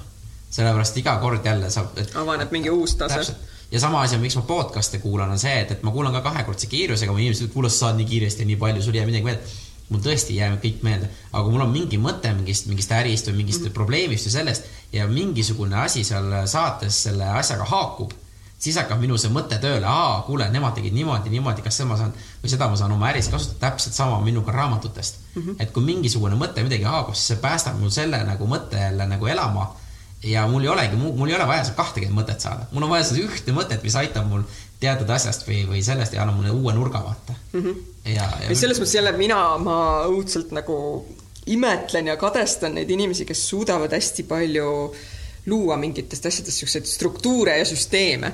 et ma sageli ise tunnen, et noh, sama, et, et kuskil ma tean, et või noh, kui mingis kontekstis tuleb mm -hmm. mingisugune teema üles, et ma olen seda lugenud, aga kus see võis olla et, et siis ma jälle alati mõtlen sellistel hetkedel, et vot nüüd ma hakkan, et siit tänasest edasi ma hakkan nagu, et kõik, mis ma loen, mingi kuskil teen mingid märkmed äh,, tag'in ära, no ühesõnaga ja siis kuni järgmise korrani onju, et siis mõtlen jälle uuesti. et, et tegelikult oleks, oleks hea, ma mäletan kunagi, kuna see maja, kus me siin praegu äh, sinuga mm -hmm. räägime, on minu jaoks ka väga märgilise tähendusega. kuna siin ma töötasin Ekspressi toimetuses äh, siis võis olla viisteist aastat tagasi. Mm, siit täpselt kaks korrust allapoole. Ja siis ma mäletan, et kolleeg Mihkel Kärmas oli selline inimene, kellel olid absoluutselt kõik tema elu jooksul kirjutatud artiklid teemade kaupa ära süstematiseeritud, kui sa läksid Mihkli juurde ja küsisid mingi asja kohta, ta nagu teadis, teab. täpselt, võttis, otsis välja, noh, tänapäeval ütleme, et see oli nii-öelda internetiajastu eelne periood, on ju. et äh, või noh, internetiajastu oli juba saabunud, aga ei olnud veel sellist äh, süstematiseerimist. süstematiseeritud ja. arhiivi ja nagu kättesaadav, aga temal ja siis ma mäletan, kui ma mõtlesin, voh, et kus mina, et kui ma tahan kunagi saada nagu nii heaks ajakirjanikuks nagu Mihkel Kärmas, et siis ma pean ka hakkama endale siukseid mm., siukseid süsteeme looma ja noh, võib-olla sellepärast minust ei saanudki nii head ajakirjanikku, et ma ei suutnud kunagi neid süsteeme endale luua äh,. ma võin, ma võin eksida väga tugevalt, aga, aga tegelikult, mis ma olen saadete nende käigus, miks võib-olla ei saanud, on pigem see, et sa proovisid keegi teine olla. et sa proovisid teha seda, mis Mihk-, noh, et, et mis ma olen aru saanud, mille pärast ma seda ütlen, on see, et, et üks intervjuu, mis ma kuulasin Larry Kingiga, kes on siis maailma üks ka pro tugevaid nagu intervjueerijaid, tema käest küsiti, kuule, mida ma pean tegema, et saada nagu sama heaks kui sina ja niimoodi siis ta põhimõtteliselt ütlebki, ole ise ja kasuta oma tugevusi, mis sinul on, sa ei saa minuks ei, absoluutselt ei, minul ei olnud ka kindlasti eesmärk saada Mihkel Kärmaseks, aga et võtta üle siis need tema parimad omadused, aga noh, ma arvan, et miks minust äh, nagu lõpuni või noh, jällegi, et kui ma arvan, et kui sa oled ükskord ajakirjanik, siis sa jääd elu lõpuni mm. ajakirjanikuks või geenidest ei põgene, nagu öeldakse, sest mu ema oli ka ajakirjanik. aga et, et või noh, et võib-olla see ongi üks mu Brasiilia sõber jälle ütles, et sa oled ju, sa oledki loomu poolest selline udisimulik mm, -hmm. et mhm. võib-olla see ongi, et jälle mingiteks teatud elualadeks ongi teatud nagu eeldused et siis sa sobid või noh, et lihtsalt see ongi sul kuidagi loomuomane. ja juhtumisi siis selle, selle loomuomadusega sobitud sa nendesse ametitesse. et äh, et selles mõttes ma arvan, et ma jäängi jah, elu lõpuni mm. nagu teatud mõttes ajakirjanikuks või minus, minus toimib see mingi, ma olen ennast sageli nagu sunnitud äh, nagu alla suruma, et mingisuguses situatsioonis kohtud mingi inimesega, kes hakkab oma lugu rääkima, esimene mõte käib mul, et voh, sellest tüübist saaks ägeda loo kirjutada. aga see on lahe. et ma praegu pean, et siin ma ei ole nagu selles rollis, et, äh, et see, et noh, jälle võib-olla nagu paralleel tänapäeval, et kus, kus äh, et kui sa ei ole seda olukorda jäädvustanud Instagrami, siis kas seda olukorda ei olnudki olemas. et tegelikult me võime ju ka teha mälupilte ja seeläbi mm. nagu põlistada seda mälestust enda jaoks, aga et äh, käisin heas restoranis, kas seda head restorani ei olnudki olemas, juhul kui ma kõik mu viissada sõpra ei saanud selle kohta teavitusi või et samamoodi, et, et käisin trenni tegemas ja jooksin äh, viisteist kilomeetrit ja siis loomulikult peavad kõik, kõik mu sotsiaalmeedia sõbrad sellest teada saama või ka raamatutest, mida ma olen lugenud. Mm-hmm. et äh, noh, need on kõik jälle huvitavad teemad, mis äh, mille üle saab arutada väga mille üle saab pikalt arutada ei, ma arvan, et need on väga head ja ma arvan, et praegult on jube hea aeg, kus panna see punkti oma küsimus, küsimusi, mida ma ka kõigi oma saatekangelanne käest küsin. et ma alustan sellega, et kas sul on endal mingi kindel hommikurutiin, kuidas sa ennast nagu käima tõmbad, et ja ma ei pea seda, et sa sööd või, või käid, pesed. aga et on mingid tegevused kindlad või, või sul ei ole? Äh, see on naljakas, et mul on, minu rutiine ikkagi paljuski äh, suunavad mu lapsed, seni veel, mu noorim laps on nelja-aastane. ütlengi, et tema siis, see nelja-aastane suunab mm. mu rutiine. see on naljakas, et kui mu abikaasa, et on hommikud, kus abikaasa viib lapse lasteaeda, siis nendel on hoopis teistsugused rutiinid mm. kui need, kui mina viin lapse lasteaeda. ja, aga et ma tunnistangi, et mulle väga meeldib see, kus me hommikul, minul ei ole seda kella peale tormamist sageli mm. et kuna ma töötan kodust paljuski, kui mul need päevi, kus mul ei ole linnas kokkusaamisi või kella peale kuskile minema, et need on mu lemmikhommikud. ja siis ma võtangi lapsega rahulikult, et me toimetame koos, arutame, teeme koos hommikusööki, sööme koos ja siis me kas jalutame lasteaeda või, või ma ei tea, viin ta kelguga tänase ilmaga mm. või, või siis sõidame autoga aga et, et vot see tegelikult on see, mis minu jaoks nagu päeva käima tõmbab. et äh, ollagi niimoodi rahulikult, et sa ei pea kuskile Torma. tormama mm.. aga kindlasti käib mulle ikkagi, sa küll ütlesid, et see ei pea olema söömine, pesemine, aga mm -hmm. kohvi joomine, ma arvan, on minu jaoks rituaal, mis nagu on, on nagu teatud mõttes sümbol, et nüüd on päev alanud et ma olen üritanud teha perioode ka kohvivabalt, aga tegelikult ma ikkagi tunnen, võib-olla noh, see on jällegi iseenda tekitatud vajadus. kindlasti ma saaksin hakkama ilma, aga, aga see on nagu mõnus kohviga. jah, mõnus just, et see on niisugune soe kruus käes, et siis, siis ma lähen oma äh,, minu nagu töölaud asub äh, vaatega tänavale, lähen oma töölaua taha ja siis, siis on nii-öelda päev alanud minu jaoks. no suurepärane, igalühel on omad need, et lihtsalt kohvi joomise peale ma sain nädalavahetusel teada, et üks äh, tore psühholoog Tiina Saar, kes ka mul saates käis, ütleski, et tegelikult äh, hea on kohvi juua peale poolteist tundi, kui oled ärkvel olnud mm. -hmm. et ennem seda ei tohiks nagu juua, sellepärast et muidu keha saab selle äh, kofeiini laksu nagu ja ta on veel une, une, unemoodus on ju, või selles, et ärkab see selles, et see ei pidanud nagu kehale ja. sageli ma jah patustan selle vastu, aga jah, minu jaoks pigem ma ütlengi, siis see on see teine tass kohvi, et kui laps on lasteaeda viidud ja siis ma tulen, võtan selle kohvitassi ja lähen sinna oma laua taha, vot see on see hetk, kus ma tunnen, et nüüd on päev alanud. super, noh, väga hea äh,. teiseks ma küsin, et kas on mingi teema, millest oleks tahtnud veel rõhutada või rääkida, aga me ei, lihtsalt ei katnud seda või ei saanud üldse sinna minna. Me rääkisime nii paljudest asjadest, et, et võib-olla jah, natuke jälle see, mida me enne tegelikult omavahel ju rääkisime, et, et natuke, et see ajakirjanikuks olemise mm. teema, et, et sa, et see on ühest küljest nii huvitav töö, kuna sa saad kohtuda nii paljude inimestega mm, -hmm. aga samas sa kõikides nendes teemades jääd nagu pinnapealseks et ja noh, kahtlemata kõiksugused äh, vestlussaated ja intervjuuformaadid üldiselt on sellised, et sa ei jõua ju kunagi no üldse, see on nagu see klassikaline see nelja akna mudel, kus on see kaks hallala ja siis valge ala ja must ala, et mida sa ise tead enda kohta, mida teised teavad sinu kohta. siis mida sa ise ei tea, aga teised teavad ja siis mida mitte keegi ei tea mm.. see on täiesti must ala. et, et ega sa ju ei lõpuni ei jõuagi kunagi kaevuda mm. kellegi hingesügavustesse absoluutselt. Aga et ma arvan, et, et seal on jälle, et üks antropoloog Paul Stoller on öelnud hästi selle kohta, et, et see, et täiesti ootamatutes situatsioonides võivad mingid asjad sind puudutada viisil, mis on nagu jällegi ma ei tea eesti keeles head terminit, aga te- meaningful, et nagu mõt-, mõttekas, ütleme mm. siis mõttekas. see on jälle, ma arvan, et eestikeelne sõna ei anna seda olemust hästi edasi Jah. aga et, et just nagu jälle, mis me nende raamatute kohta rääkisime, et mm. sel hetkel, selles ajahetkes äh, sinu jaoks oluline mm, -hmm. sind äh, kuidagi muutab, absoluutselt. et äh, ma arvan, et selles mõttes me tegelesime just nagu siin äh, hästi suurte teemadega, samas hästi väikeste teemadega, et mm. et ma ei tea, mul ei jäänud nüüd küll midagi kripeldama, et pigem võib-olla me rääkisime liiga palju, liiga aa, ei, see on ma veel tegelikult selle ajakirjanduse koha pealt ma lihtsalt tooks välja, et mis sa ka juba mainisid enda puhul, et sa oled alati see uudishimulik. et ma arvan, et see on minu meelest väga tugevalt ka võib-olla sinus edasiviiv jõud, et, et et okei okay,, jah, et sa küll ajakirjaniku lugusid ei kirjuta, aga see, et sa pidevalt nagu uurid, uurid, uurid, uurid, uurid ja ma arvan, et see on nagu, mis paljudel võiks olla, et et mitte see, et ah, näe, tuleb jälle sama tüüp mingi mulle samat juttu rääkida, aga pigem näita seda uudishimu välja, mis teema on, et ma saan aru, kõigiga ei ole võimalik, aga samas, kui sa kohtud uusi inimesi, mitte et ära räägi endast, vaid uuri tema kohta. Ja ma arvan, et see on, see on, ma arvan, et, et nagu äärmiselt oluline just nagu ajakirjaniku koha pealt mm. -hmm. ja kui sa õpidki, et äh, ma õpingi kuulama teisi inimesi mm, -hmm. siis et ma ise proovin seda asja, et, et sul oligi kaks kõrvu, üks suu ja kahe kõrvaga saab rohkem tehtud kui ühe suuga. väga hästi öeldud. jah, absoluutselt, ei, ma olen seda kogenud, inimestele üldiselt väga meeldib rääkida endast, et sa pead noh, vahest on vaja nagu natuke rohkem kangutada mm. või nii-öelda avada neid, et selleks on omad äh, nipid, mõned inimesed ei avanegi kunagi mm. või ei avane sulle. et noh, lihtsalt ongi jälle sihuke, kas on nii-öelda tekib keemia või ei teki mm.. et, et see on ka kindlasti omaette oskus, kindlasti ka mingil määral õpitav ja arendatav.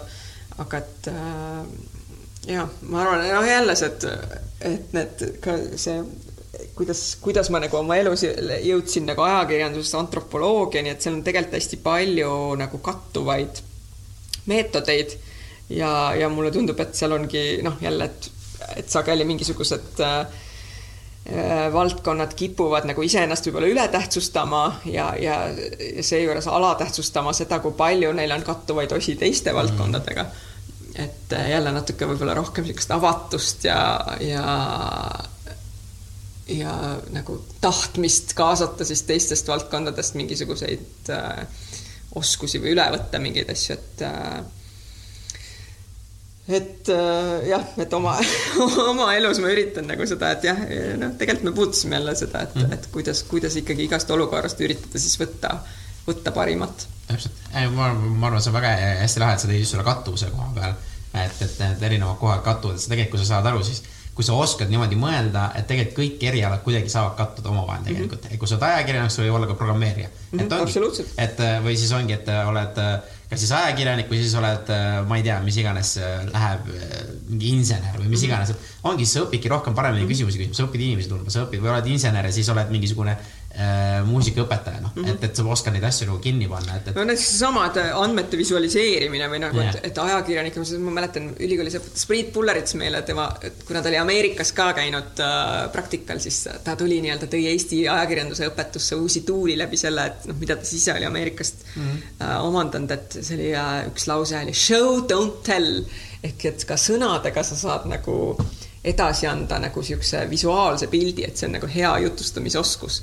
Et selle asemel, et, et lihtsalt täita nagu lehtede viisi äh, tähemärkidega võid sa seda nagu palju vähemate sõnadega öelda nagu mm. nii, et inimesed reaalselt, et neil tekib kujutluspilt, et see on jällegi oskus mm. -hmm. ja noh, moodsa ajakirjanduses ongi nii-öelda igasugused andmete visualiseeringud, sest andmeid meie ümber on üha palju, noh, üha kasvavates hulkades, et, et suuta neis nagu orienteeruda ja luua nendest inimestele arusaadavaid mingisuguseid äh, kogumeid mm, -hmm. neid kuidagi ümber jutustada, et jällegi, et, et sageli neid, neist siis luuakse mingisuguseid visuaalseid graafikuid, mis on ka üks viis, aga samamoodi tegelikult sa võid ka sõnadega nagu edasi anda. kui sa oled pisut osav. kui sa oled osav, aga noh, see on jälle, et koht, mida õppida ja ma arvangi, et, et et kui ma veel ühel hetkel ajakirjanduse peaksin nagu nii-öelda aktiivselt naasma, et siis ma arvan, et see võiks olla ka valdkond, mis võiks endal olla väljakutsuv mm,.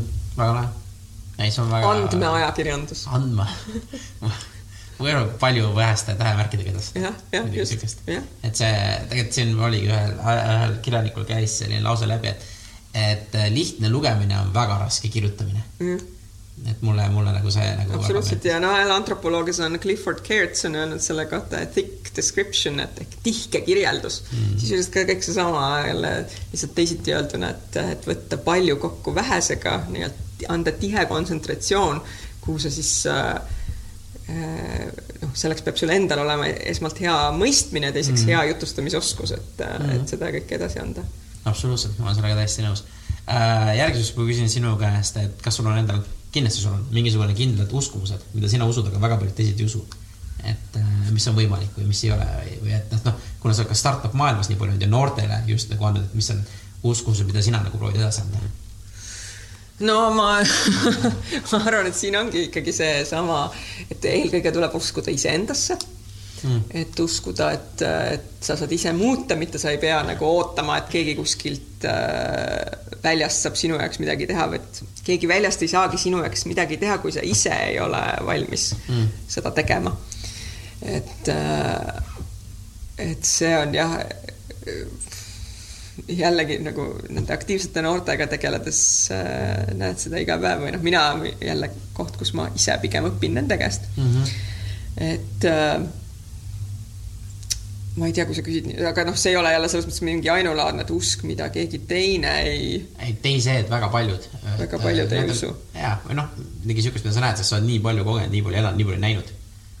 no jällegi võib-olla startup maailmas teinekord tuleb, nagu sa ise ka enne mainisid mööda minnes, et et sageli on hästi palju niisugust või noh, võib-olla niisuguse vanema inimesena ma näen, kui palju on niisugust eufooriat asjade ümber, et ma juba nagu, et noh küll te varsti näete, onju, et noh, ei taha, ma ei taha olla kunagi selles, aga sageli, sageli ennast kõrvalt kuulates nagu, et või just oma laste lapsed aeg-ajalt niimoodi peegeldavad tagasi, onju, et et, et see on hea niisugune reaalsuskontroll, et et noh, võib-olla jälle jõutaksegi selleni, et lõpuks sa pead ikkagi ise need vead läbi tegema selleks, et, et neist nagu aru saada, et, et need te, teised eeskujud või noh, hea on neid teiste lugusid näha ja kuulda ja äh, lugeda, aga et, et lõpuks sa pead ikkagi nagu õppimiseks omal nahal kogema neid asju. et äh, aga noh, jällegi, kui me nüüd nagu et suur nagu etteheide Eesti sellele startup ökosüsteemile on see, et, et räägitakse mingit lugu, mida ju tegelikult ei ole olemas, et see lugu on nii palju suurem mm.. aga kui me jällegi paneme selle nagu Eesti konteksti, mis ongi nagu igas mõttes väike ja kui meil siis see, ka see lugu oleks väike, siis me nagu meie hääl ei kostagi kuskile mm. -hmm. et siis selle võrra me peamegi ennast nagu ise nagu suuremaks rääkima, et keegi üldse saaks meid kuulda võtta kuskil. Et, et tuleb jah, ja just ma arvan, et see on ka nagu ilmselt äh, noh, niisugune uskumus, et, et kui sa iseendast ei räägi, siis ei räägi keegi sinust ka et äh, ma arvan, see on väga hea. keegi selle... teine ei tule sinust su lugu rääkima, kui sa, kui sa ise ei ole nagu avatud äh, jagama seda lugu. see, see on ka koera liput-, saba liputamine, ta ja, liputab ise ja. oma saba, et sina ei hakka ju koera saba liputama. ta liputab ise, ta on sellega, sa näed ja sa räägid sellest ja niimoodi, täpselt samamoodi meil, noh, see on niisugune lihtsam variant, mis mina nagu suudan mm -hmm. inimestele öelda. et tulebki nagu öelda, mis ja kus ja mida sa teed ja kuidas, mitte ära olla tagasihoidlik, vaid mm, -hmm. vaid proovi nagu, mitte ei tähenda, et sa lähed nagu ülbeks või niimoodi vaid lihtsalt räägi umbes, mis või mida sa tahad ja, ja need ambitsioonid. nojah, et see on, ma arvan, mulle endale võib-olla kõige rohkem see koht, kus ma, kus on, et mulle endale ei meeldi absoluutselt nagu iseennast kiita kuskil, et noh, jälle see on, ma arvan, niisugune hästi eestlaslik mm. ja ilmselt meie nagu või noh, minu isiklikust kasvatusest äh, tulenev. aga, aga seda ma kindlasti teistele nagu jutustan ja oma lastele kindlasti räägin seda lugu, et te peate iseennast kiitma mm. või noh, et et sageli nagu tegudest üksi ei piisa, et sa pead ikkagi ka nagu rääkima sinna juurde. aga noh, mis jälle lõpuks jõuab selleni, et, et ikkagi võib-olla ongi need ühed inimesed, kes oskavad paremini rääkida, teised inimesed, kes oskavad paremini teha ja ideaalis siis need kaks inimest saaks kokku ja teeks midagi koos. nii sünnivad kõige suuremad asjad. koostöö. just yeah.. see on väga hea ja viimaseks ma uurin, et äh, kuidas mina või meie kuulajad sulle kasulikud saavad olla ma arvan, ma olen juba tänase saate käigus nii mitu äh, head mõtet saanud, et sa juba oled olnud kasulik ja, ja noh, kuulajad, äh, ma arvan, et väga paljudega me kindlasti kohtume erinevates olukordades. et ma arvan, et kõik saavad panustada, et seesama äh, haridusteema mm., et head ettepanekud on oodatud Haridusfondi Äh, kõik, kõik head inimesed, kes tahavad kuidagi panustada, saavad meie hüppelauas äh, kaasa lüüa. et jällegi niisugune õhinapõhine, et, et sageli vot need inimesed, kes nagu esimesel hetkel käivituvad, on alati või noh, minu kogemus ütleb, et, et kui sa pead hakkama kedagi otseselt nagu veenma mingis asjas, siis võib-olla ei peakski selleks energiat kulutama, et kui, kui inimesel kuidagi tekib see äratundmine, et siis see enamasti tekib nagu esimestel hetkedel. Mm.. et et kes jah, juttu kuulates nagu tundis, et ta saab ka, tahab kuidagi panustada, siis võib minuga ühendust võtta ja ja siis seeläbi olla kasulik mulle. no see on super ja lapsed tuua e-, Eesti kaks punkt null üritustele. ja absoluutselt hüppelaua programmi registreerimine on juba avatud. no vot, isegi siis, kui saade eetrisse läheb, mis läheb natuke hiljem, kui saade tehakse, nii et tere teadmiseks. jah, selleks ajaks on kindlasti. vot aga super, aitäh, Ede, su aja eest ja mõtete eest.